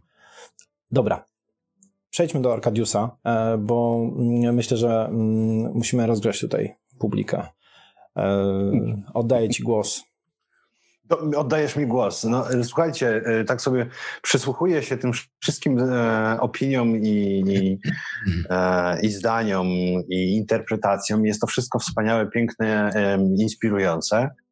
Natomiast wydaje mi się, że tutaj a propos tego konkretnie albumu, bo jakby Wydaje mi się, że estetyka z punktu widzenia czysto, nazwijmy to, krytycznego tego wydawnictwa jest, no wiadomo, tematem spornym. Inaczej na to spojrzy ktoś, kto nie ma jakby wyrobienia w, w takich tematach, a inaczej na to spojrzy koneser fotografii. Mm. Natomiast na pewno chciałbym podkreślić ten fakt, poniekąd kłaniając się tutaj też Jackowi o tym, co powiedział, że liczy się przede wszystkim sam fakt, że w czasach, kiedy wszystko jest zdominowane przez technologię i przez cyfryzację, w ogóle się takie albumy wydaje. Więc e, można oczywiście psioczyć na to, że jest kiepski papier, że jest tak dalej, że jest kiepsko to w ogóle wydane, być może estetycznie źle rozpro, rozpropagowane. Natomiast ja bym tu jednak mimo wszystko skłonił się ku temu, żeby docenić wysiłki w czasach wydania książki tego w, w tej formie, w czasach, kiedy wszystko prze, przechodzi do, do, strefy cyfrowej, więc... Podoba mi się to. No, tu tak, się, tak tu myślę. Zgadzam się z tobą, że to, tak. to, to jest największa wartość tego, tak. Wiadomo, bo jakby y, y, tutaj też, co wspomnieliście, szanowni moi drodzy, wcześniej też, że przede wszystkim liczy się kontakt z samą fotografią, niezależnie od tego, w jakiej formie ona by była. Oczywiście siłą rzeczy im, im szlachet, szlachetniejsze jest medium, tym ten kontakt jest przyjemniejszy. Natomiast w dzisiejszych czasach, kiedy wszystko kurczę naprawdę oglądamy na ekranach smartfonów, komputerów, tabletów, telewizorach i tak dalej, mm, więc ten kontakt tak naprawdę z taką fotografią właśnie w formie fizycznej, namacalnej, o czym ty też Michał wspominałeeś wcześniej, to jest rzecz nieoceniona i absolutnie nie nie, niepodrabialna. I każda możliwa forma tego uskutecznienia tego typu kultywowania, moim zdaniem jest absolutnie, wiesz, godna na jakby pochwały, o tak mówiąc. Natomiast Natomiast chciałbyś, mówisz, że chciałbyś mi oddać głos, więc e, ja chciałbym trochę zmienić kierunek naszej rozmowy, jeżeli pozwolicie, szanowni. E, I chciałbym, żebyśmy się przez chwilę zastanowili, e, co tak naprawdę powoduje, że fotografowi się chce. Mm a co powoduje, że mu się nie chce. I to jest taki kontekst, który, e, który, na który można oczywiście w bardzo różnych, w wielu różnych perspektywach spojrzeć, tak? Bo oczywiście można spojrzeć na to w perspektywie um, dzisiejszych czasów, które no, jakby no, perspektywa konkretnego momentu historycznego jest absolutnie um, ważna. O tym, co zresztą powiedział Leszek wcześniej, że czas nadaje pewien pewien kontekst, szczególnie w kontekście, powtarzam się, ale nadaje pewien kontekst, jeżeli chodzi o samą fotografię, czy też w ogóle jakiekolwiek medium, ale, ale, ale tak z waszego punktu widzenia, niezależnie od tego, czym się tak naprawdę zajmujecie na co dzień, co powoduje, że twórcy się chce? No powiem Ci, że dla mnie to jest bardzo złożone pytanie, bo, bo nie do końca wiem, co się chce. Czy chcemy coś tworzyć dla sztuki, czy chcemy coś robić dla kasy bo ja jednak staram się to rozkładać na dwie części. Jeśli coś robię dla kasy, no to kasa i wtedy mi się chce. Jeśli robię coś dla sztuki, no to tutaj bardziej e, interesuje mnie odbiór i tworzenie e, czegoś nowego, co, co spowoduje, że, że będę starał się przeskakiwać to, co zrobiłem do tej pory. Coraz wyżej sobie stawiam poprzeczkę i coraz widzę, że coraz więcej mam problem doskoczyć do niej i to jest tak jak z biciem pewnych rekordów, że, że możemy w życiu zrobić jakiś rekord, a potem staramy się go po raz kolejny pobić i nie możemy. I myślę, że to jest jedyny powód, że mi się chce, że właśnie chcę przeskoczyć na rekord. Mm. No tak, tylko tutaj ja chciałbym jeszcze nawiązać w kontekście tego, tej motywacji, co powoduje, że fotografowi się chce, a do tego, co ty Michał powiedziałeś wcześniej, że zdjęcia robimy dla innych. I teraz tutaj też jest bardzo ważny kontekst, szczególnie w dobie social mediów, ponieważ fotografia dzisiaj yy, yy, czy też może nawet to nie jest kwestia social mediów, zawsze tak było, tylko zmienił się, zmieniło się medium. Zawsze chyba twórca, twórca z założenia jest stworzeniem wybitnie egotycznym i mm, to, co nas bardzo mocno napędza, to jest e, ja już bym tutaj nie wchodził w szczegóły, czy pochwały, czy nie pochwały, czy konstruktywna, konstruktywna krytyka, czy nie, bo to jest inny mm -hmm. temat. Natomiast bardziej chodzi mi o to, że reakcja, czyli twórca tworząc coś jest inicjatywą pewnej akcji, a reakcja odbiorcy jest tym, co napędza ten, ten jego, mm, nazwijmy to, nazywając po imieniu po prostu, ten jego mechanizm taki egoistyczny, egotyczny, który napędza jego chęć po prostu jakby wchodzenia w tą relację i tworzenia dalej, tak? tak, tak. Mm, mm. No, więc... Ja, e, mhm. ja bym to uzupełnił, wiesz, w, w, w tym kierunku, niezależnie ile mamy pieniędzy i jak jesteśmy sławni, to jest jeden element, który dotyczy nas wszystkich ludzi. To jest uznanie. I ja myślę, że to, to jest jeden z elementów, który jest bardzo ważny. My łakniemy uznania. E, zobaczcie, jak się zachowują ludzie, którzy odbierają Oscary. Zobaczcie e, w ogóle jakiekolwiek nagrody, ale Oscar, przy Oscarach to widać najwyraźniej. To są, to są niesamowici ludzie, często z niesamowitymi charakterami, ale jak są przemównicy, to się łamią i płaczą często, wzruszają. E, nie potrafią wydusić z siebie słowa, bo zostali uznani. I myślę sobie, że jeden z piękniejszych elementów takim, który może nas napędzać, to, to jest właśnie uczciwa e, potrzeba uznania. Tak jesteśmy skonstruowani jako ludzie, nie walczmy z tym. Tak, tak mi się tak czuję. Ja, jakby umiejętność szczerego powiedzenia, o co w tym wszystkim chodzi, jest ujarzmianie swojego ego po prostu. To jest jakby, powiedzmy jasno, że tu jak wszyscy jesteśmy e, z wszystkimi uczestnikami mastermindu, prawie tysiąc osób jest na grupie, tu my wszyscy jesteśmy, my jesteśmy egoistami. I e, to, w tym słowie nie ma nic złego. Co jest złego w słowie egoizm? E, to, co nam wmówiono. E, to, co dokładnie, nam wmówiono przez lata, mówiąc o nas, tak. że egoista to jest ktoś zły. A jeżeli sobie wytłumaczycie, wytłumaczymy sobie, ja sobie wytłumaczę, co to dla mnie znaczy być egoistą, to jest początek z, pięknej drogi do tego, żeby stać się lepszym fotografem, lepszym człowiekiem. Halo, jakim ja fotografem? ja bym nie nazwał tego egoizmem, bo egoistą byłby wtedy, kiedy bym robił piękne zdjęcia, bym nikomu nie pokazywał, tylko dla siebie albo dla swojej rodziny. tu bardziej powiem o czymś innym. E, wiesz co, w pełni podzielam ogólnie twoje zdanie, bo ja wiem, dlaczego ja fotografuję. Y, moja fotografia i początek z tą fotografią był tak durny, że po prostu chciałem zaimponować pewnej dziewczynie, y, bo ona fotografowała, więc chciałem ja również takie zdjęcia robić, piękne. I wyszło mi, z pierwszej rolki wyszło mi tylko jedno zdjęcie i ona powiedziała, weź opublikuj to w sieci. Opublikowałem to w sieci i można powiedzieć, wygrałem internet. Zdjęcie zostało wyróżnione fotografią dnia, fotografią tygodnia, fotografią miesiąca i ten sukces mnie pociągnął do tworzenia dalej. Ja nie spodziewałem się, że kiedyś będę na tym zarabiał. Na razie mnie to pociągnęło do tworzenia kolejnych, kolejnych fotografii. Możecie znaleźć w internecie to zdjęcie, to nazywa się Eden. E, I, i, I ta fotografia mnie pociągnęła. Żeby mi te pierwsze zdjęcie nie wyszło z tej pierwszej rolki, myślę, żeby mnie tu nie było.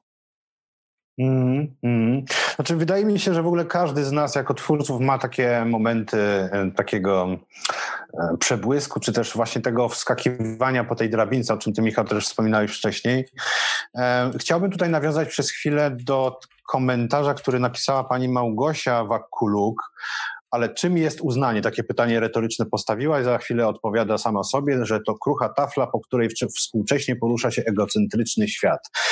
I jakkolwiek wydaje mi się, że jest to mm, semantycznie poprawne, to jednak mimo wszystko wydaje mi się, że e, e, bycie takim zdrowym egoistą, bycie takim zdrowym egoistą w kontekście bycia twórcą, Szczególnie, że w dzisiejszych czasach jesteśmy tak bardzo samotni. Ja wiem, że może dobra, wchodzimy w jakieś takie za, może za bardzo głębokie tematy, ale w razie czego to mnie tutaj stopujcie.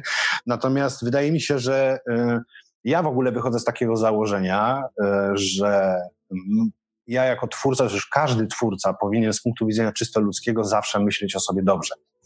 W sensie takim, że to ma trochę szerszy kontekst, ponieważ dzisiejsze czasy według mnie to jest po prostu prawdziwa kolebka plagi pod tytułem zaburzone poczucie własnej wartości i to dotyczy nas absolutnie wszystkich, niezależnie tego, czym się zajmujemy, czy, czy robimy fotografie, czy robimy filmy, czy e, nie wiem, czy, czymkolwiek innym się zajmujemy. E, I e, wszystko, wszystko generalnie jest dla ludzi, wszystko w odpowiednich proporcjach jest ważne, ale, ale bycie takim zdrowym egoistą i stawianie swojego rozwoju na pierwszym miejscu, jest moim zdaniem podstawą do właśnie takiego zrównoważonego, fajnego rozwoju, tak żeby móc czuć się spełnionym po prostu. Tak. A ja bym się nie zgodził z tym egoizmem, dlatego że wydaje mi się, że jeżeli kogokolwiek e, jesteśmy tutaj, znaczy moglibyśmy określić jako egoistę, e, kto fotografuje, to tylko taką osobę, która e, robi sobie selfie non-stop, bo to jest egoizm. A kiedy fotografujemy i na fotografii jest inna osoba, to oczywiście trochę tej, tej naszej osobowości jest w fotografii, ale my wyświadczamy pewnego rodzaju uprzejmość drugiej osobie, czyli E, robimy to, co savoir-vivre określa jako zasadę nadrzędną, sprawiamy komuś radość i, e, i nie, nie, nie, jakby nie zaliczyłbym tego do kategorii egoizmu, tak gwoli Michała. Ja, Jacku, po prostu swoje. opacznie rozumiesz słowo egoizm. Dokładnie to, co powiedziałeś, jest egoizmem. Dlatego, że jeżeli e, to jest jakby, to, to trzeba zrozumieć. To jest bardzo trudne, ponieważ przez całe nasze życie mówiono nam odwrotnie. To, że kogoś uszczęśliwiasz, mhm. Jacku, to jest egoizm. Egoizm nie jest zły, dlatego y, cieszę się, że Arkadius, jak mówi egoizm, mówi zdrowy egoizm. Wiesz dlaczego to robi? Ponieważ chce podkreślić, y, że nie może samo słowo egoizm występować, bo od razu ludzie myślą, to jest jak słowo Superman. Jak, mówi, jak ja mówię Superman, to, od razu masz cały y, szereg czyli- różnych emocji. Czyli jakimś tym- nowym kodem musimy który się teraz po... e, Zdrowy egoizm jest próbą e, jakby e, mówienia cały czas o takim innym egoizmie. Ale to nie jest inny egoizm. To jest ten sam egoizm. Wszyscy reżyserzy, operatorzy, fotografowie, wszyscy ludzie, którzy u, u, u, uprawiają sztukę, malują, to są egoiści i to są wspaniali ludzie, jeżeli, wie, jeżeli potrafią ten egoizm e, kontrolować, okiełznąć, o, o, wykorzystać go. Dlatego, że uszczęśliwianie innym, innych, robienie im prezentów, e, robienie, mówienie do miłych rzeczy, to jest cały czas egoizm. Ale ten zdrowy. Sam dziwię się, że mówię No to, to- w ten no to sposób, w takim zdrowy, razie- W takim razie zadam takie pytanie. Czym Mhm. się różni e- egoizm od zdrowego eg- egoizmu? Niczym. Czy, a to, jest- jest to samo? Tak, to jest to samo i to jest cały właśnie, to jest cały trik tego wszystkiego. No to jak, my jak to jest y, w takim razie? Czy coś innego, skoro jest to to, to samo? nie, e, M- Mogę powtórzę. dodać pewien kontekst? Tak. E, Jacku, to jest tak. Gdybyś był e, chodzącym, chodzą, przepraszam, że tak, takie porównanie ci rzucę. Śmiało, daj, dawaj. Dobra, dobra. Gdybyś był e, chodzącym e, kłębkiem e, frustracji, nerwów i w ogóle samych złych przekonań na swój własny temat, to Mhm. twoja rodzina nie byłaby w stanie z tobą wytrzymać. Czyli ogólnie zdrowy egoizm ma za założenie, jakby zakłada z czysto takiego jakby defi- z czystej definicji, że siebie jako swój dobrobyt, swoje well-being stawiasz na pierwszym miejscu po to, żeby niczym taf, te tafle, prawda, te kręgi na wodzie rozchodziło się to po prostu do, dookoła ciebie, do, na twoje najbliższe i dalsze otoczenie. Czyli zdrowy egoizm to jest taki, który ma pewien priorytet, jeżeli chodzi o twój własny rozwój. I to jest jakby nieważne, czy to jest, y, dotyczy po prostu takiego codziennego życia, czy po prostu y, twórczości, życia twórczego. Ja powiem krócej. E, Ty jak mówisz egoizm, e, Myślisz mówię, altruizm. mówię o Jacku, to mówisz o nar- myślisz narcyzm na przykład, wiesz? E, Bo to tak ci to wmówiono. To, nie, to narcyzm to jest narcyzm. Nie ma nic wspólnego z byciem egoistą. Zaakceptujmy to, kontrolujmy swój, ten, ten, ten, ten stan i bądźmy dobrymi ludźmi i to, ale mówiliśmy o napędzaniu. Co nas napędza? Tak, Słuchajcie, co was tak, napędza? Tak. Śmiało. Y, Co nas napędza i dlaczego hajs to jest zła motywacja? Może o tak postawmy pytanie. Niektórych może Ale motywować. ja tak, ja tak nie powiedziałem, że jest zła, że nie, hajs jest zła, dlaczego zła? Le, Leszka dajcie do głosu. Dobra, to, bo y, do, do, y, to wszystko, co mówiliście, oczywiście generalnie się zgadzam e, i o tym egoizmie i tak dalej. Natomiast ja powróciłbym do tego pierwszego pytania, które e, postawiłeś, mianowicie co to jest, e, przepraszam, co powoduje, że fotografowi się chce. Mm, Ja, ja tak podstawowo się nad tym zastanowiłem. Są rzeczy, które choćby nie wiem, ile kto mi płacił, to bym nie chciał robić. Na przykład nie chciałbym łowić ryb. To czy idę z wędką, siedzę, po prostu to mnie w ogóle nie rajcuje. Ale pewnie takiego gościa, który łowi ryby, nie rajcuje fotografia, nie? To jest jak gdyby vice versa. Więc gdyby mm, było, znaczy fotografia akurat dla mnie, mnie się zawsze chce. To jest coś, co mnie zawsze interesuje, dlatego to robię. Nie robię tego z musu, nie zarabiam na fotografii, robię to tylko dla czystej przyjemności. Więc tutaj jest jak gdyby taka podstawowa e, dla mnie informacja, że jeżeli ja się nie męczę to robiąc, to coś, co ja robię, jest dla mnie odpoczynkiem, jest dla mnie relaksem, jest odskocznią od tego, czego na przykład nie lubię robić, no to wtedy, wtedy mi się chce. I jeżeli fotograf, fotografowi się chce, to tylko potrafię sobie, w ten sposób wyobrazić, że w podstawowej swojej warstwie jemu się chce, dlatego że to lubi, że przy tym odpoczywa, nawet jeżeli się namęczy i po nocach musi posiedzieć i tak dalej, to dla niego to jest coś, co, co chce robić. Natomiast żadna motywacja typu ogromna kasa, nie wiem, jakieś konkursy, jakaś, jakaś sława i tak dalej, w momencie dla mnie przynajmniej, gdybym ja się przy tym wszystkim męczył, to poszedłbym na ryby. To może tak podsumuję. Mhm. I się Pamię- wyłączam. Ja, ja mam tylko takie cały czas wrażenie, że to- to jest uwaga dla osób, które nas słuchają, że pamiętajcie, że mówimy z naszego punktu widzenia, czyli to, co mówi Leszek, Jackowi nie za bardzo pasuje, bo on pracuje jako fotograf, czyli e, to jest bardzo trudne, żeby, e, podejrzewam, żeby e, zrobić ślub e, setny w, w, tym roku i żeby dalej to było miłe, przyjemne i, i, i, łatwe. I, i tak, to jest bardzo e, Ale wymagające. akurat to, co mówi Leszek, mi pasuje, także... No to się cieszę. dobrze. no, wiesz, no to właśnie chyba y, to jest wspaniałe, żeby móc żeby nie, żeby ten, e, twój, twoja praca ci nie obrzydła, tak? Żebyś nie uznał, że aparat fotograficzny, który wisi gdzieś tam na haku, jest, uosabiasz ciężką pracą. E, to też tak. ustalmy, że w ogóle nasz zawód, taki co uprawiamy, ten zawód jest z pasji, a nie, nie, nie, nie planowaliśmy tego zawodu, nie wybraliśmy tej szkoły takiej, bo, bo taką musieliśmy wybrać, mhm. więc tutaj myślę, że to jest zupełnie co innego, no. Ale ty, Michale, mówiłeś, y, będąc gościem y, niezłych aparatów, że jak komuś coś zbrzydnie, no to niech odwiesi aparat na jakiś czas, niech, niech zrobi ten rozbrat y, z fotografią i, i potem wróci z nową energią. Myślę, że to jest też cenna uwaga. Myślę, że tak. Warto przypomnieć. Ja jestem fanem wielkim tego, żeby się nie napinać. Dla mnie największym problemem są ludzie, którzy, i nie ma znaczenia, czy to jest fotografia, za bardzo napinają e, strunę i e, dlatego jestem za tym, żeby bywać e, w różnych stanach, że nie musimy być fotografem na 100%, w sensie cały czas. Możemy czasami odpuścić, to jest moim zdaniem naturalne. Też to jest ciekawy temat do dyskusji, bo ja jestem, ja to, ja to przetrenowałem na sobie i na wielu, wielu osobach, z którymi mam kontakt na różnych warsztatach. To jest, jeżeli ktoś za bardzo przesadzi i za bardzo wejdzie w fotografię, to może się okazać, że to, y, że, że to go zaskoczy, jak bardzo to jest trudne. Za dużo się dowie, za dużo będzie miał presji z każdej strony, za duża konkurencja. Trzeba umieć odpuścić, trzeba umieć grać na tych stronach, żeby za bardzo ich nie na, na, na naciągać. I y, to jest sztuka. Mm, ale to się tyczy wszystkiego, każdej dziedziny, nie tylko fotografii. No tu my jesteśmy, z, y, ja się zgadzam, to co mówi Michał mi się bardzo podoba, bo pasja to jest coś takiego, co powinniśmy wykorzystywać. To, że, że, że fotografia jest naszą pasją, my jesteśmy wielkimi szczęściarzami, że tak jest i e, wykorzystajmy ten element. E, tak jak i wędkarz, którego pasją jest łowienie ryb, no. On tam nie stoi, nie marznie. Dupa mu nie marznie dlatego, bo, bo musi, e, tylko dlatego, że chce. Bo lubi. No. Agnieszka, dlaczego, dlaczego y, tobie się chce robić? Co, co, cię, co cię kręci tak w, w fotografii? Dlaczego ci się chce? Żyje, prawda? I to jest właśnie moim zdaniem w ogóle inny punkt widzenia niż tych osób, które y, z fotografii czerpią jakieś y, korzyści materialne. I też tak cały czas myślę o tym, czemu mi się chce. Na pewno jakby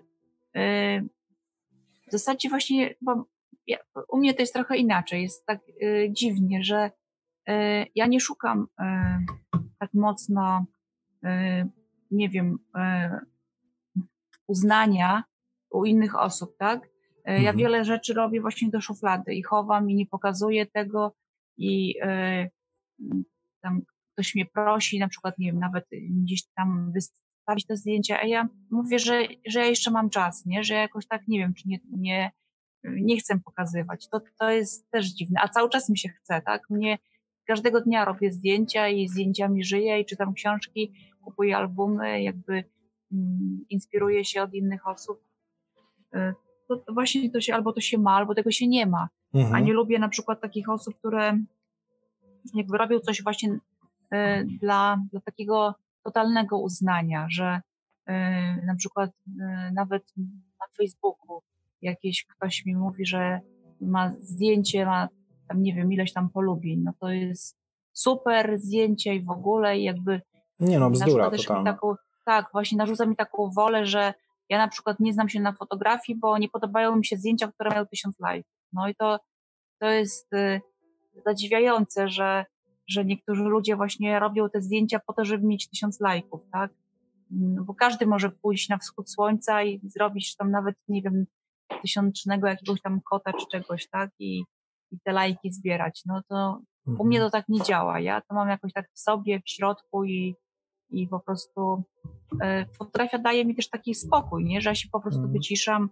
E, ja nie mam czasu e, na jakąś tam, nie wiem, depresję, czy na jakieś nic nie robienie, czy, czy, czy, czy nudę, tak? U mnie nie ma nudno, bo jak mi jest nudno, to ja po prostu biorę aparat i cokolwiek płacę, nawet, nie wiem, szklankę z herbatą przy stole, no, no tak. nie wiem, no jakiś zdet jakiś, tak, ale z tego mam radość, no właśnie mam radość i dlatego się chcę. To odbijmy jeszcze do Pawła. E, e, Paweł, bo ty jesteś reporterem, ty pracujesz e, kilkanaście lat, czy kilkadziesiąt lat jako reporter. Co powoduje, że ci się chce?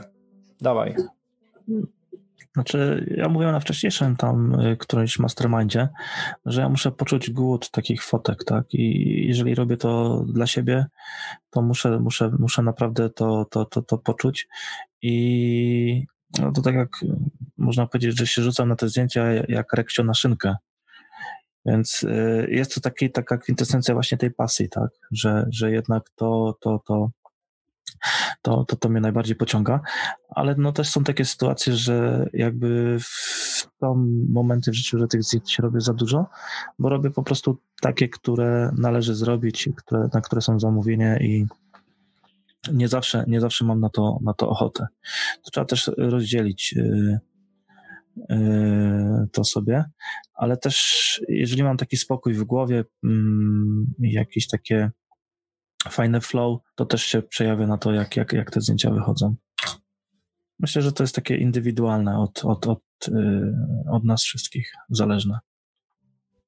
Hmm. Arkadius, czy jakoś nas, y, czy to cię zadowala, satysfakcjonuje, czy coś byś chciał jeszcze dziś szpilkę włożyć jakoś tutaj? Nie, po, znaczy to nie jest tak, że ja mam tutaj zostać zadowolony w żaden w jakikolwiek sposób, czy też usatysfakcjonowany. Ja chciałem po prostu jakby usłyszeć e, motywację każdego z was, niezależnie mm. od tego, czy w jakim kontekście po prostu fotografią się zajmuje. E, żeby móc też poniekąd być lepiej przygotowanym. Co jest takim elementem, co, co, co ciebie tak, e, tak naprawdę powoduje, że tobie się chce? Co, ja pod tym względem jestem mm, być może troszkę nieskromny, e, ale chciałem tutaj też nawiązać do tego, co, co, co, co na przykład zostało wspomniane wcześniej. Na przykład Aga wspominała o, e, o tej liczbie lajków i tak dalej, i tak dalej. No takie mamy teraz czasy, że, e, że jakby popularność, czy też e, popularność przekłada się na liczbę lajków. Oczywiście ja absolutnie nie zgadzam się z tym stwierdzeniem, że ilość lajków ma determinować o tym, co jest dobre, a co jest złe bo popularność wcale nie świadczy o maestrii, tak parafrazując pewnego wieszcza. Natomiast jeżeli chodzi o, wracając do tego tematu, jeżeli chodzi o to, co mnie nakręca, ja jestem trochę takim ćpunem, szczerze mówiąc, uzależnionym po prostu od uczenia się nowych rzeczy.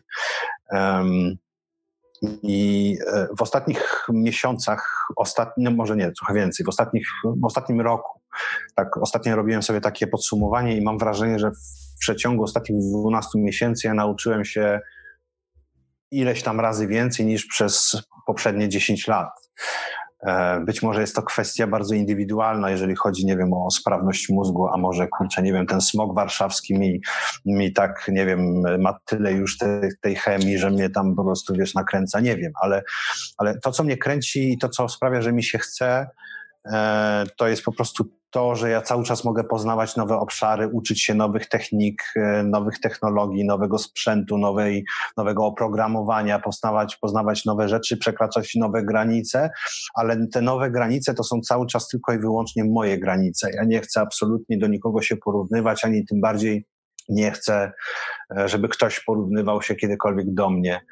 E, I robię, ja wszystko co robię, robię w sposób bardzo taki mocno spersonalizowany, ten taki właśnie staram się uprawiać ten zdrowy, zdrowy egoizm. E, I dla mnie najważniejszym jakby punktem zawsze wyjścia, najważniejszym założeniem to jest po prostu rozwijanie się, stawianie sobie kolejnej poprzeczki, kolejnego wyzwania nowego, chociażby ono było po prostu jak totalnie jakby abstrakcyjne. I na przykład w ostatnich miesiącach jednym z takich wyzwań dla mnie było na przykład nauczenie się opanowania programu do tworzenia grafiki trójwymiarowej 3D. Mowa, mowa konkretnie o Blenderze e, i połączenia grafiki 3D e, z fotografią. I w ten sposób sobie gdzieś tam tworzyłem nowe rzeczy, nowe projekty. E, I to mnie kręci. To sprawia, że mi się chce, że, że mogę się mhm. uczyć po prostu nowych rzeczy. Pięknie, a wiecie, naj, chyba jedną z większych wartości tego wszystkiego jest to, że to, e, dlaczego nam się chce, się zmienia.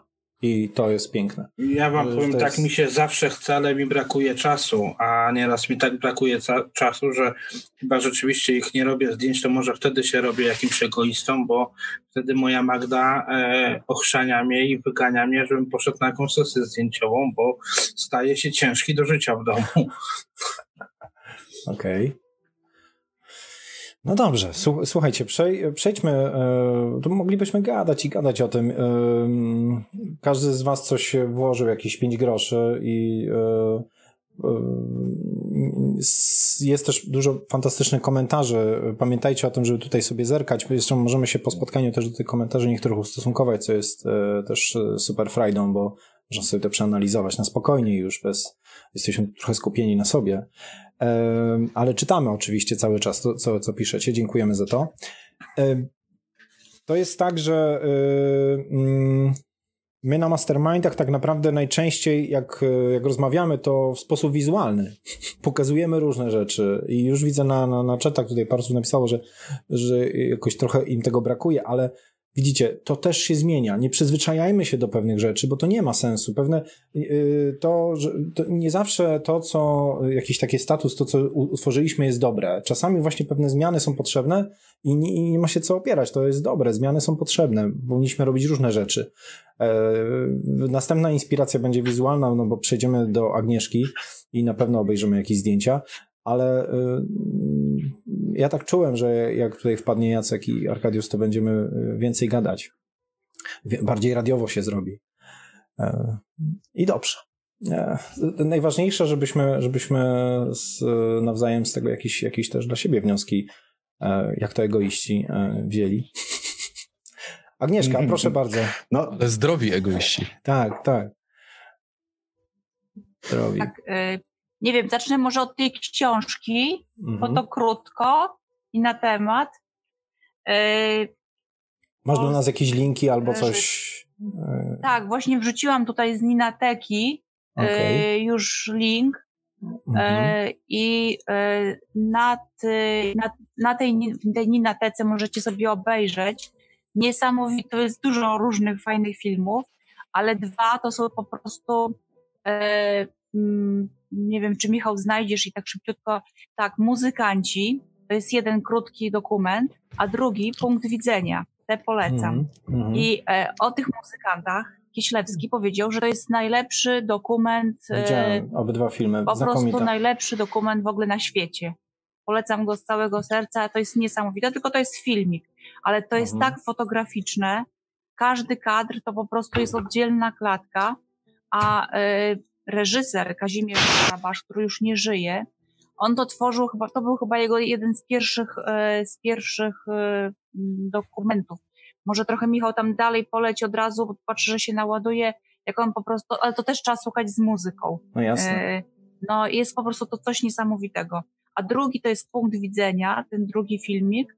I to jest w ogóle fantastyczna rzecz, bo słuchajcie, nakręcił młodych fotografów, którzy e, z jakiegoś, nie wiem, czy nawet ze Śląskiego, nie, czy z Warszawy, nie, z Lubelskiego chyba, e, z Lubelskiego e, małego miasteczka i oni opowiadają, jak oni właśnie chcą być fotografami, jak oni fotografują, jak oni widzą świat i co oni w tym miasteczku widzą.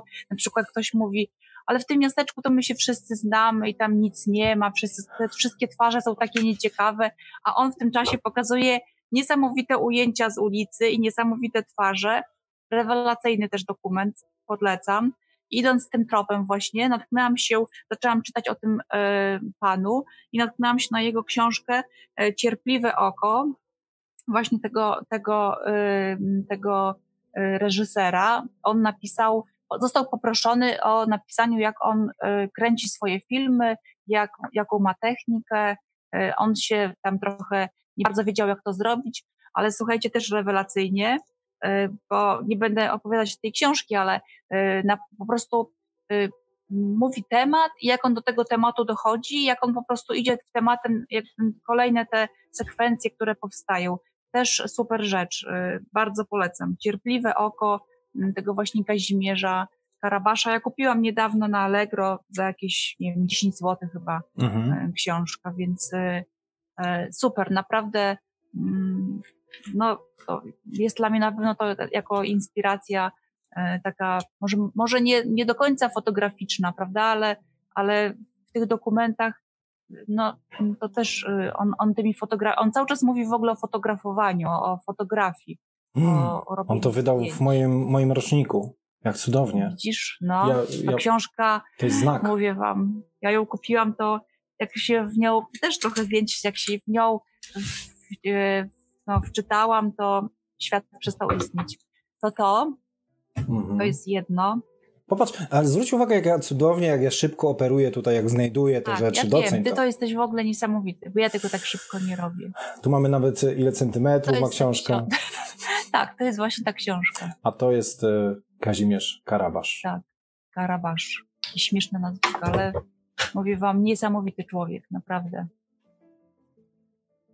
Dokument straż. No, super. Mhm. A drugie, drugą inspirację już. Świe, świetne jest to, wiesz co, y, nie wiem, czy wy znacie tą, tą ninotekę?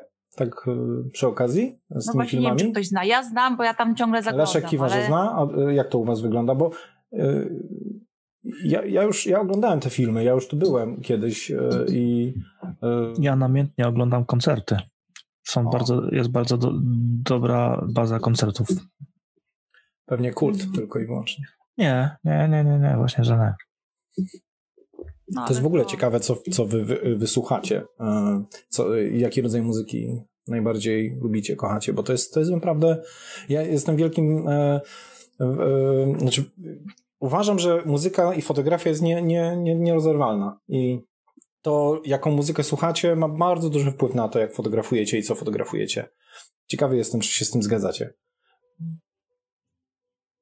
Przy sesji bardzo pomaga zdjęciowej, więc, więc na pewno. Ale puszczasz sobie na słuchawki, czy wszystkim puszczasz? Nie, wszystkim, wszystkim, to znaczy wszystkim. No ja, ja i osoba pozująca, prawda, przy muzyce działa. E, zauważyłem, że pewna piosenka ma niesamowity wpływ e, na zachowanie modelek i, i, i raz przypadkowo to odkryłem, a potem sprawdzałem, czyli tą piosenkę, jeśli modelka była dość sztywna, to włączałem tą piosenkę.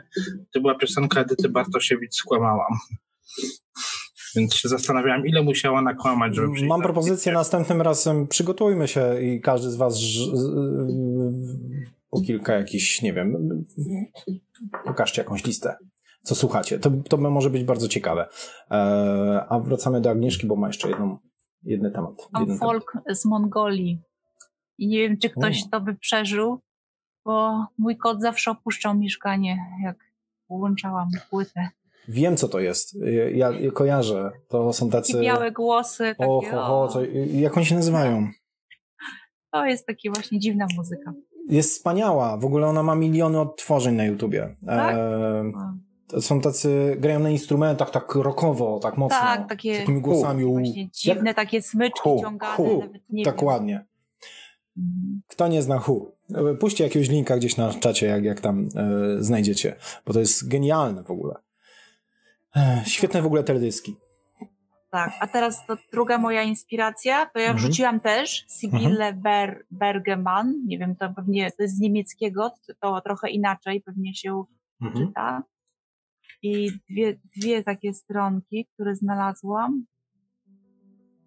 Okay. I właśnie w tym kontekście myślę, że czasu, upływu czasu, bo to, co ona sfotografowała, to tego już nie ma, bo to są to jest, y, to są Niemcy, Niemcy wschodnie, e, no nie wiem, fotografka, która mm, całe życie spędziła w tych Niemczech.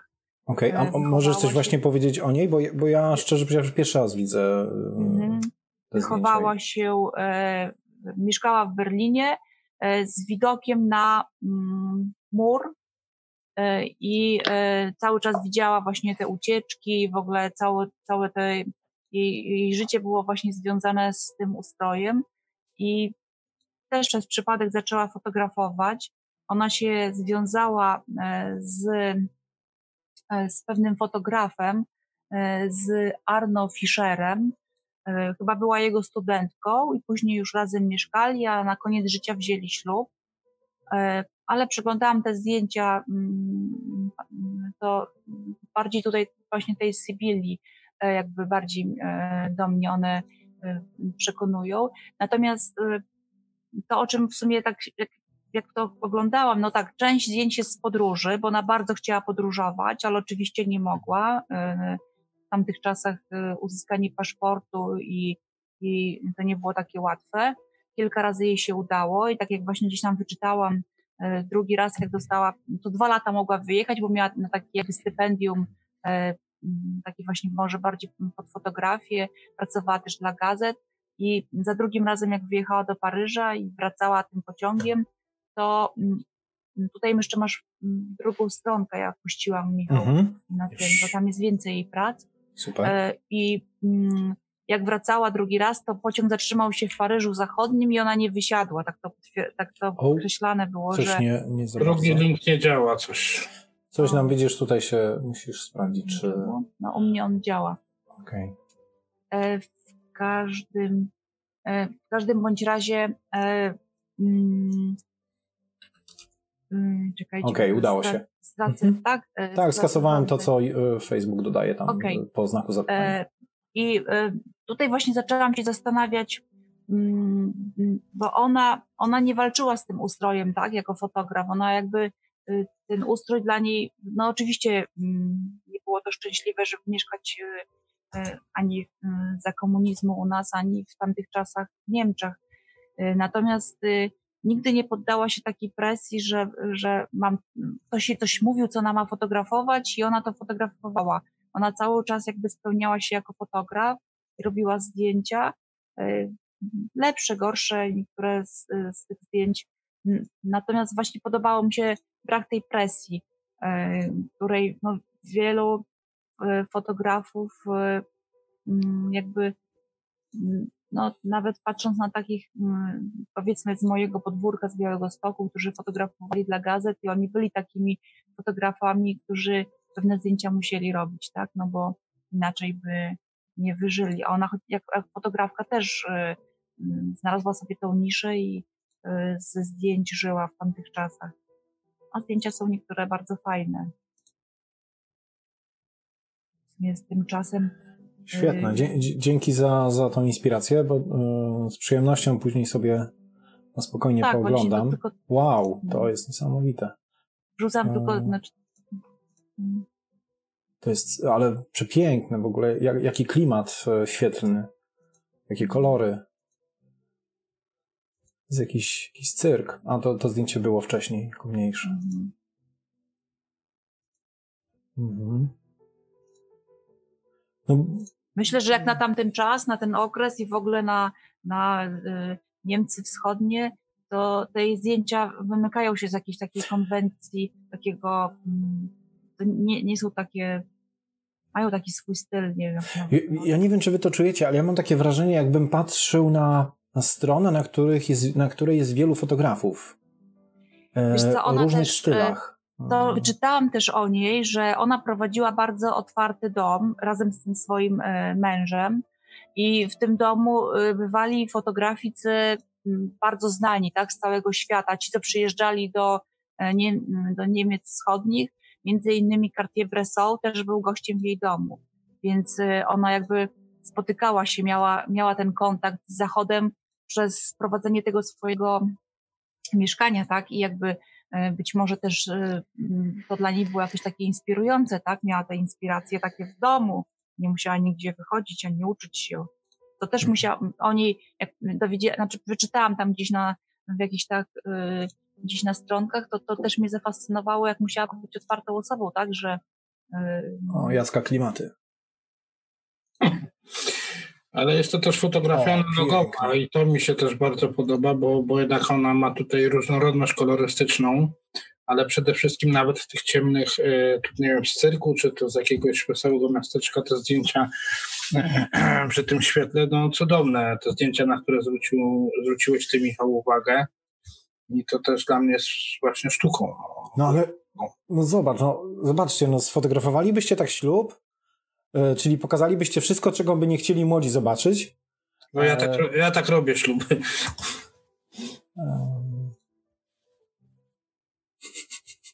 A tu pan młody, nie? Albo ojciec za aparatem, tam z...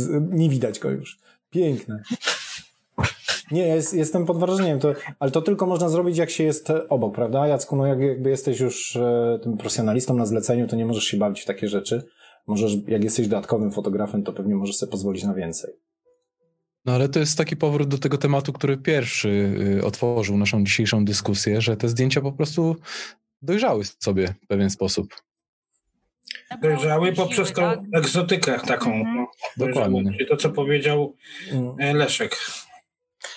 Ja bym chciał, żebyśmy kiedyś w którymś e, naszym spotkaniu e, omówili współczesnych fotografów, takich, którzy, którzy rzeczywiście mogą kiedyś być legendą, bo, bo ja widzę, że troszeczkę bardzo cieszą, no cieszą oczy te fotografie, które właśnie są dojrzałe przez pryzmat czasu, przez pryzmat egzotyki, ale jednak też chciałbym zobaczyć taką sztukę fotograficzną bieżącą, taką fotografię, która naprawdę zatrzymuje i taka, która nie jest jakaś tam powtarzalna, nie jest w łatwy sposób nawet do zrobienia.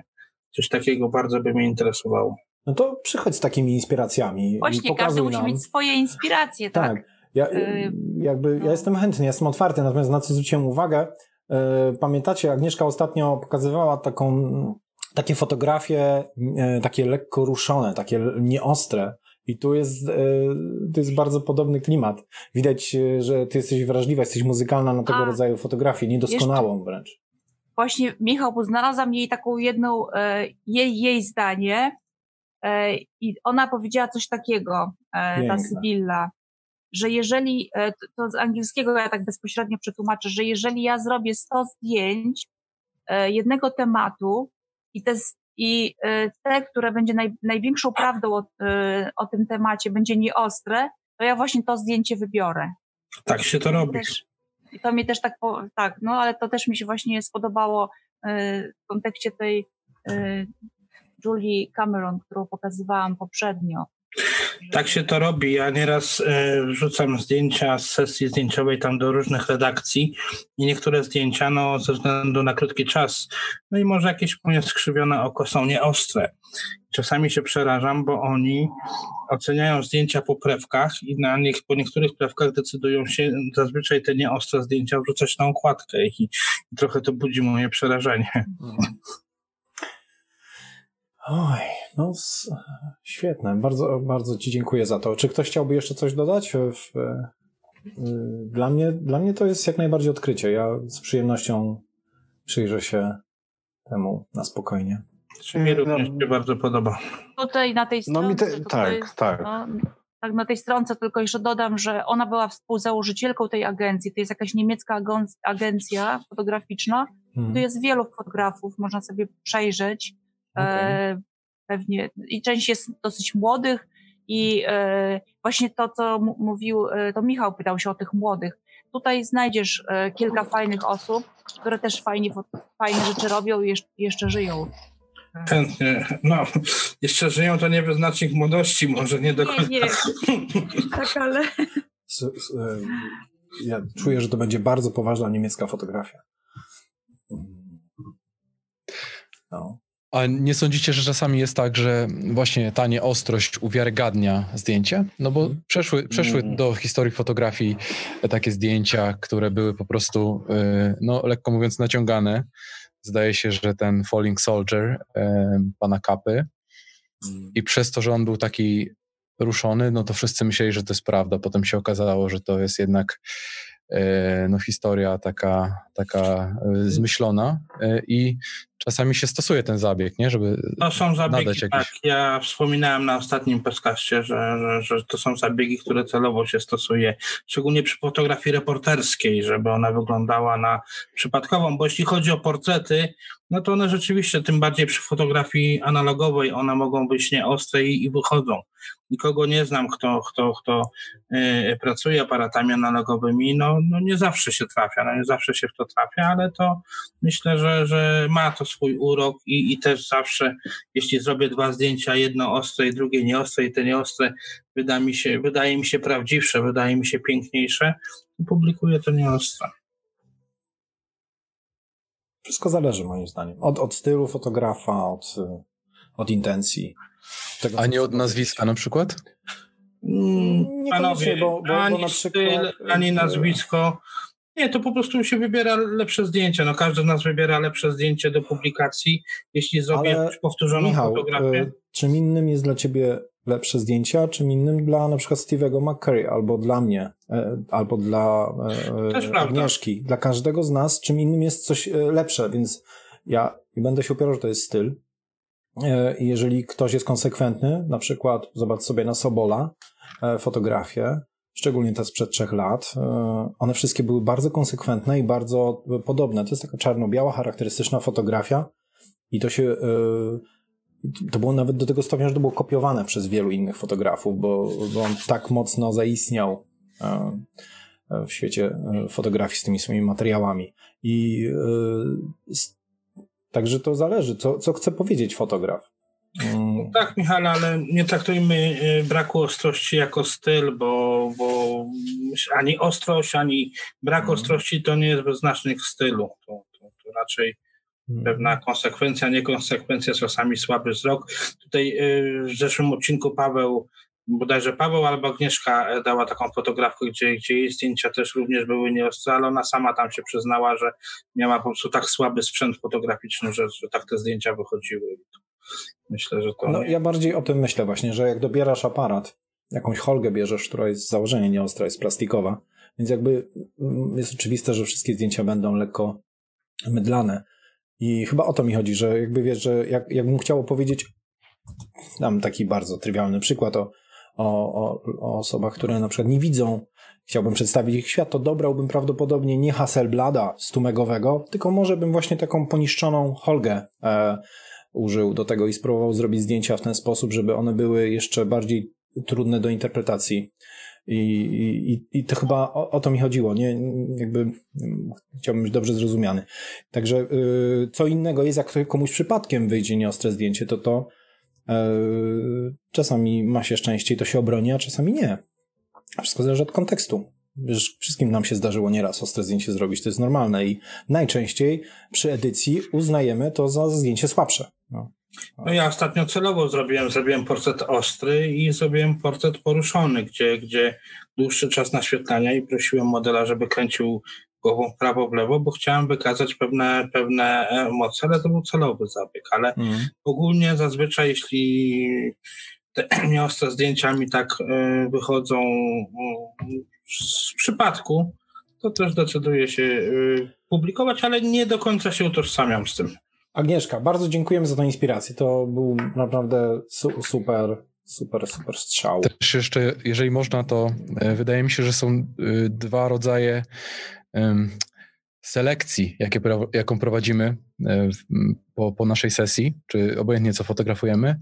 I, e, I, chodzi mi tutaj konkretnie, przez co my filtrujemy fotografię, czy przez rozum, czy przez emocje. No bo jeżeli tutaj nawet widzę, że na czacie, że e, ktoś pisze, już nie pamiętam, ale mignę, mignął mi taki komentarz, że ktoś się z Michałem Budabarem nie zgadzał. Mówił, że fotografia ruszona może oddawać emocje. No i właśnie mi się wydaje, że to jest, to jest ten główny składnik, który, który tutaj mówi e, wszystko na ten temat. Czyli jeżeli patrzymy przez pryzmat emocji, no to obojętnie jakie to zdjęcie jest, czy, czy ruszone, czy, czy niedoświetlone, ono może nam się podobać. Nie? A jeżeli przez rozum, to bardziej tak patrzymy technicznie. Ja, ja przynajmniej tak to odbieram.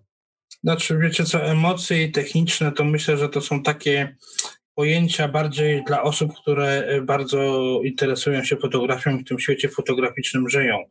E, myślę, że pozostali odbierają fotografię poprzez to, co mają w głowie, poprzez to, jak w życiu zostali wychowani, w jakim środowisku zostali wychowani, jakie w życiu mieli e, przeżycia, jakie, jakie osoby spotkały na swojej drodze, więc tutaj nie, nie doszukiwałbym się do końca do końca tych specjalnych zabiegów do tego, żeby budzić emocje. Hmm. No dobra. E... Dzięki jeszcze raz. I co? I teraz e... mamy, mamy, mamy jeszcze e... e inspirację, która jest od Leszka, tak? E, czy chciałbyś zabrać głos ze swoim szumiącym mikrofonem? Tak, jak najbardziej. Co prawda już jest trochę późno, ale, ale może jednak, tym bardziej, że za, jak zajmę, jak będę o tym mówił jeszcze później, albo powiedzmy następnym razem, to będzie jeszcze dalej od tego wydarzenia. Ok, chciałem powiedzieć o Krakow Street Photo Festival, który odbył się w, na początku grudnia w Krakowie, wiadomo. Więc impreza się odbyła, jest zamknięta, e, ale Miałem to przygotowane y, na mastermind, który się nie odbył, bo wtedy nie, nie, nie mogliśmy się połączyć z, Zanzibarem. Ale okej, okay. warto o tym mówić moim zdaniem, dlatego że ten festiwal to jest taki dowód wielkiej pasji, chęci właśnie stworzenia czegoś, to mówiliśmy o tym, dlaczego fotografom się chce, tym fotografom na pewno się chce i to na 100%.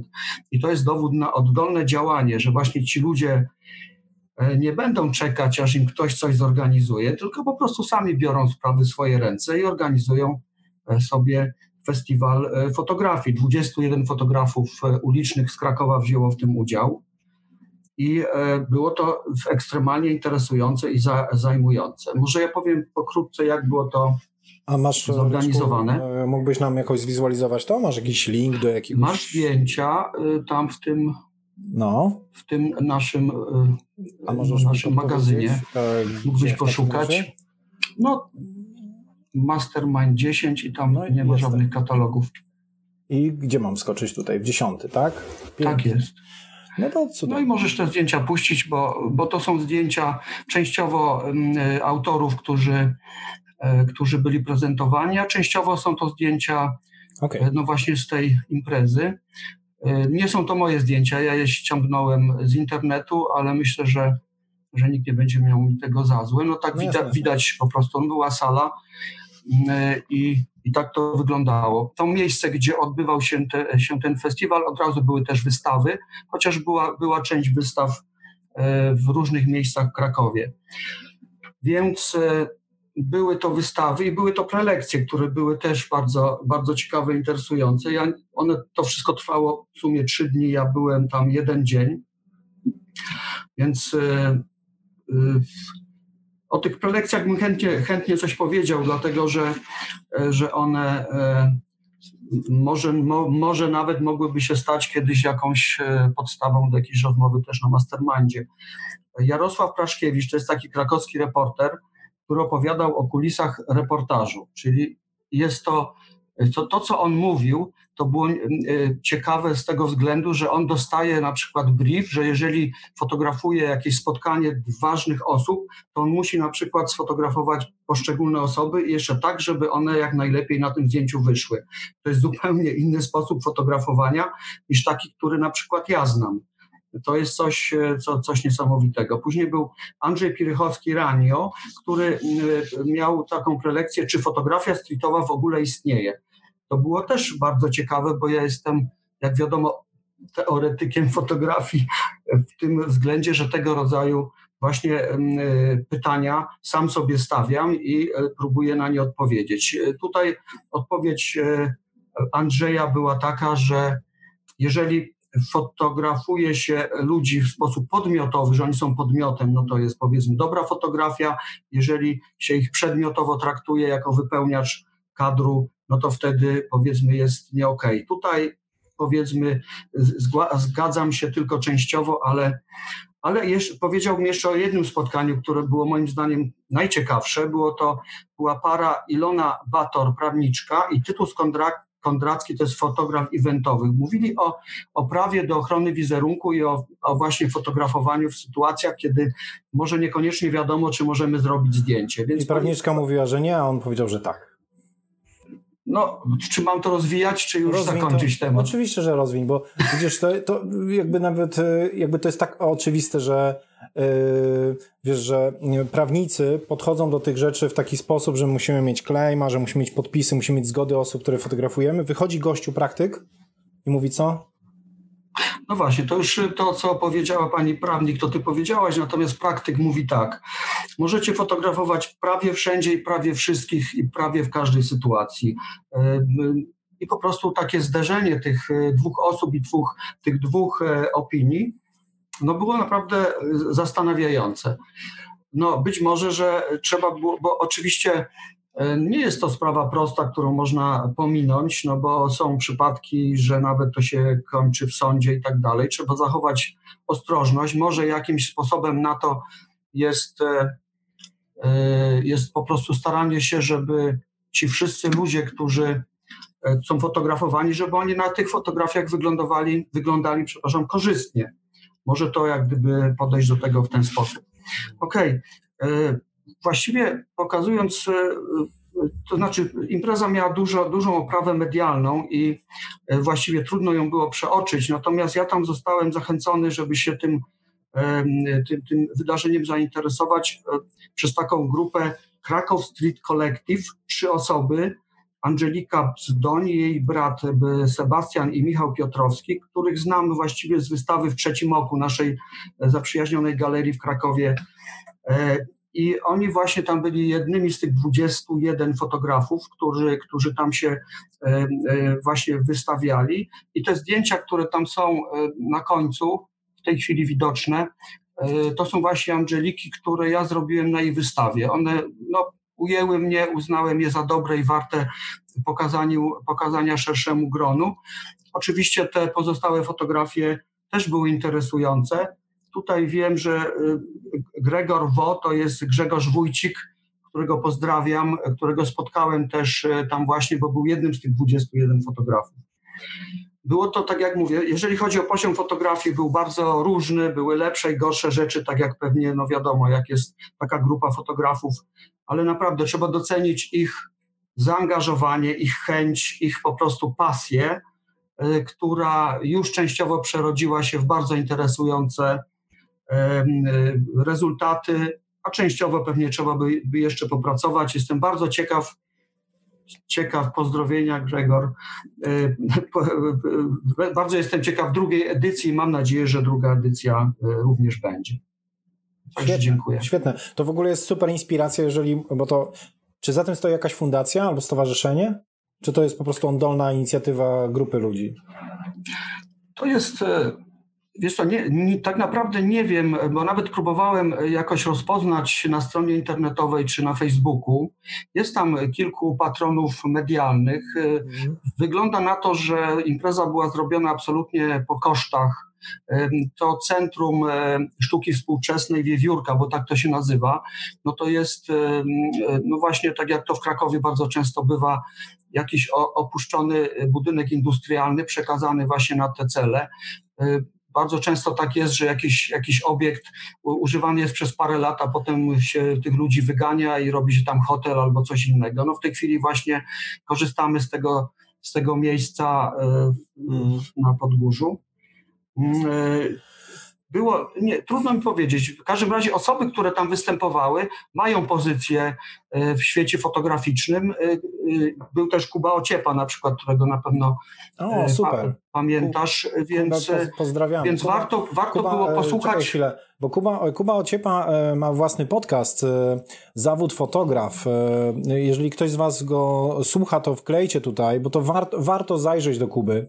On z bardzo ciekawymi ludźmi prowadzi rozmowy. A Kubę lubimy bardzo i, i chcielibyśmy, żeby, żeby robił dalej to, co robi, bo to jest bardzo ważne. Także taka dygresja mała. Tylko chciałbym jedną rzecz wtrącić, moi drodzy. E, będę się urywał. Obowiązki wzywają. Bardzo Jezu, już tak późno. No, już jest późno. Także bardzo dziękuję za dzisiaj i Wam, i naszym oglądaczom, słuchaczom, followersom i tak dalej. E, no i mam nadzieję, że się spotkamy jeszcze nie raz. To bardzo jest dziękuję. niesamowite, Argadius, że to tak zleciało. Ja nie wiem kiedy, powiem szczerze. E, bardzo Ci dziękuję za, za to, że, że byłeś z nami.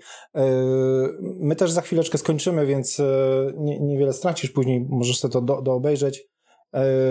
Wielki dziękuję dla Ciebie i dziękuję do bardzo. Do Wszystkiego dobrego i spokojnego wieczoru. Do zobaczenia. Cześć. Cześć. Dzisiaj twardo, bez przerwy technicznej. Wiesz co, tak się zagalopowaliśmy, że... E, Jak że, zwykle. Ja naprawdę, ale nie, po, dzisiaj pierwszy raz tak mi szybko zleciał ten czas. To jest...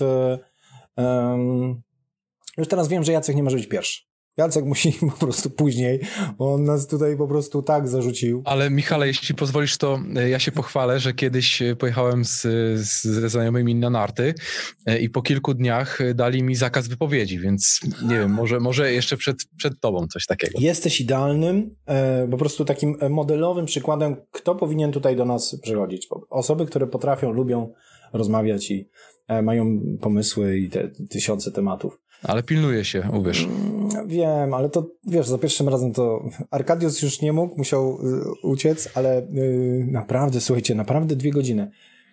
Znowu nam się nie uda wszystkiego zrobić, bo Leszku, przepraszam, że ci tak przerwałem, a mam nadzieję, że postawiłeś jakąś kropkę. W... No wiesz co, jeżeli może, mogę dokończyć, bo tu śledzę komentarze. Faktycznie tak, inicjatywa oddolna i tutaj Gregor wyłowił Pawła Jaroniewskiego, który tutaj nas słucha, jest z nami, więc on był jednym z organizatorów, więc ewentualnie... O, świetnie. Paweł mógłby podrzucić może jakiegoś linka albo coś więcej napisać na ten temat. E, gratuluję pomysłu i mam nadzieję, że będzie, będzie ciąg dalszy. Super, bardzo dziękuję.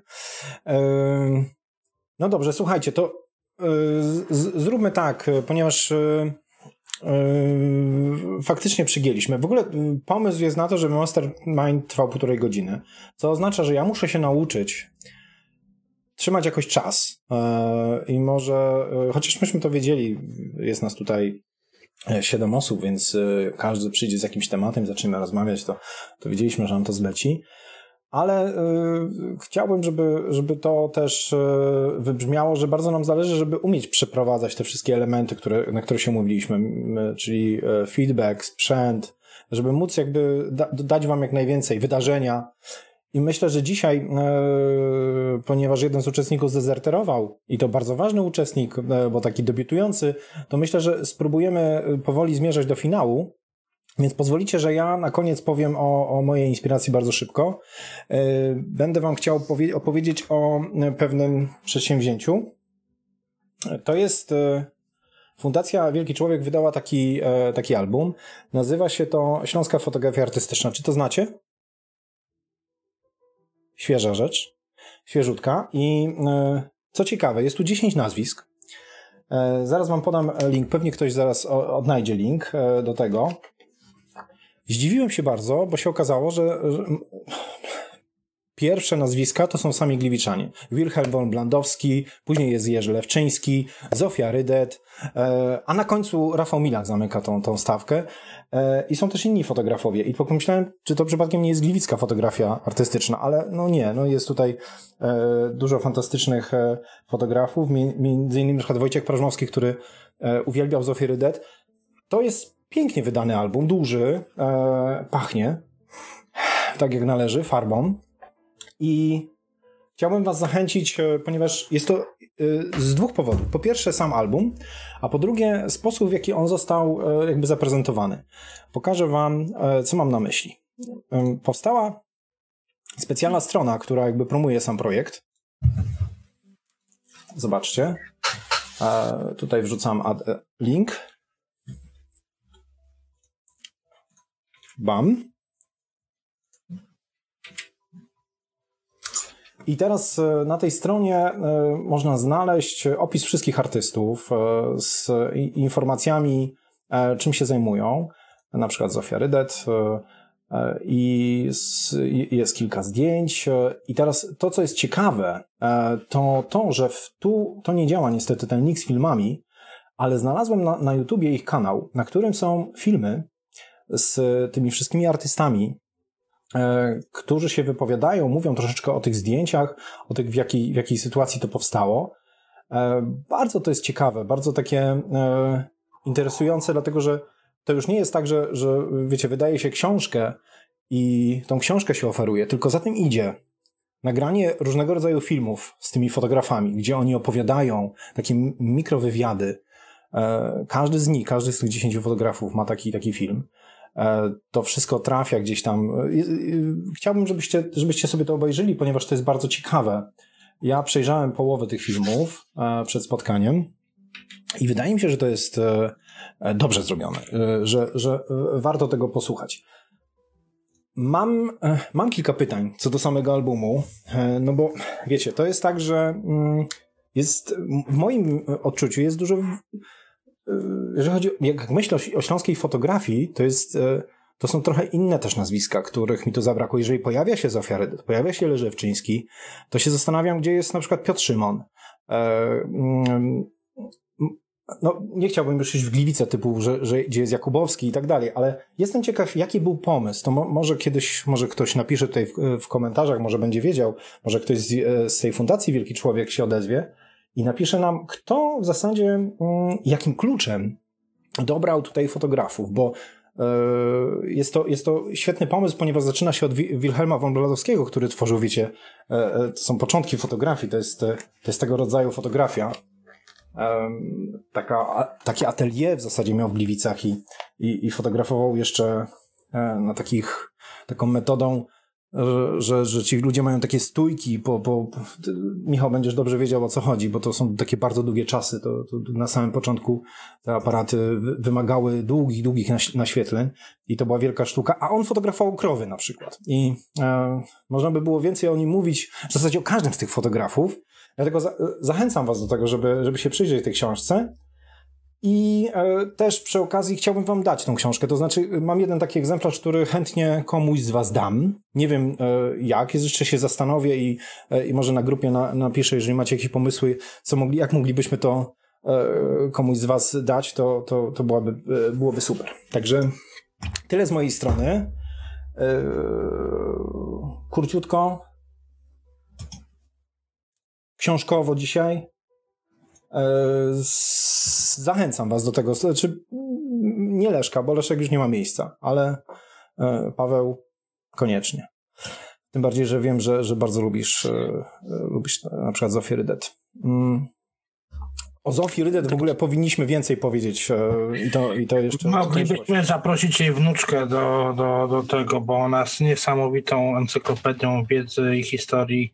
O niej, ona prowadzi całą, całe archiwum E, e, o, o, swojej babci, więc, więc polecam. Mam kontakt z nią, ona mieszka w Krakowie, tam archiwizuje wszystkie zdjęcia, ma fundację specjalną.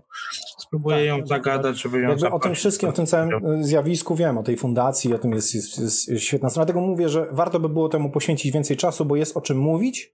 E, oni wykonali kawał dobrej roboty, zarchiwizując ten cały dokument. Jeszcze archiwizują, bo to jest no tak, tak. wielka, wielka praca. No tak. No dobrze.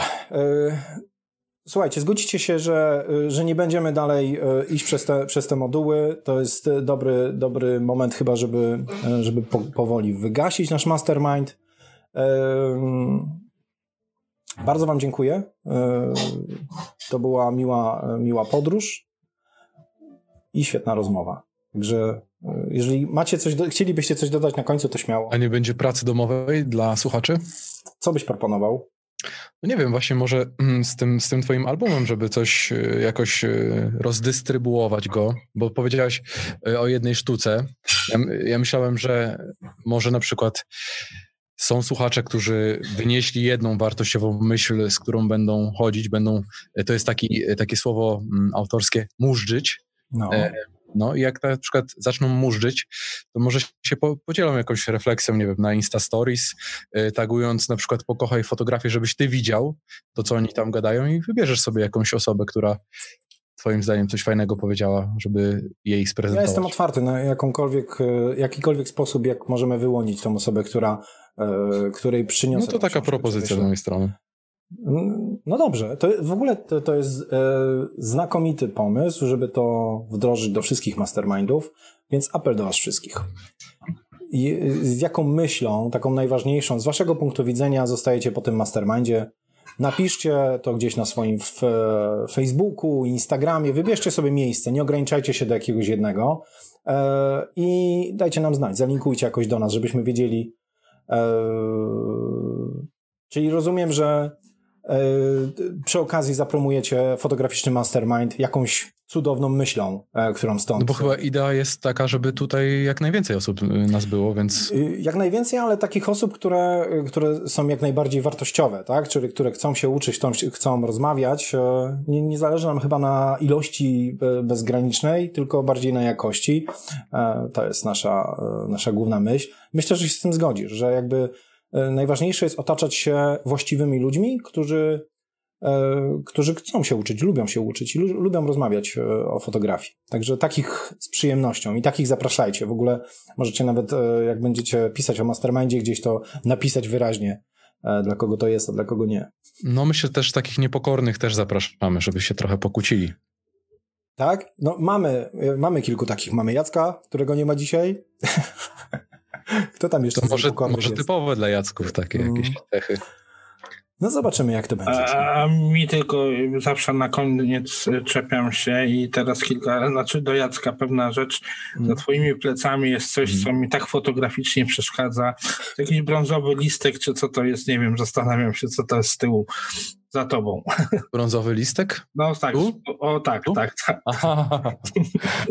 A, to jest, wiesz, to jest właśnie moja, moje ubezpieczenie. Wypatrzyłeś. Michał. Archa...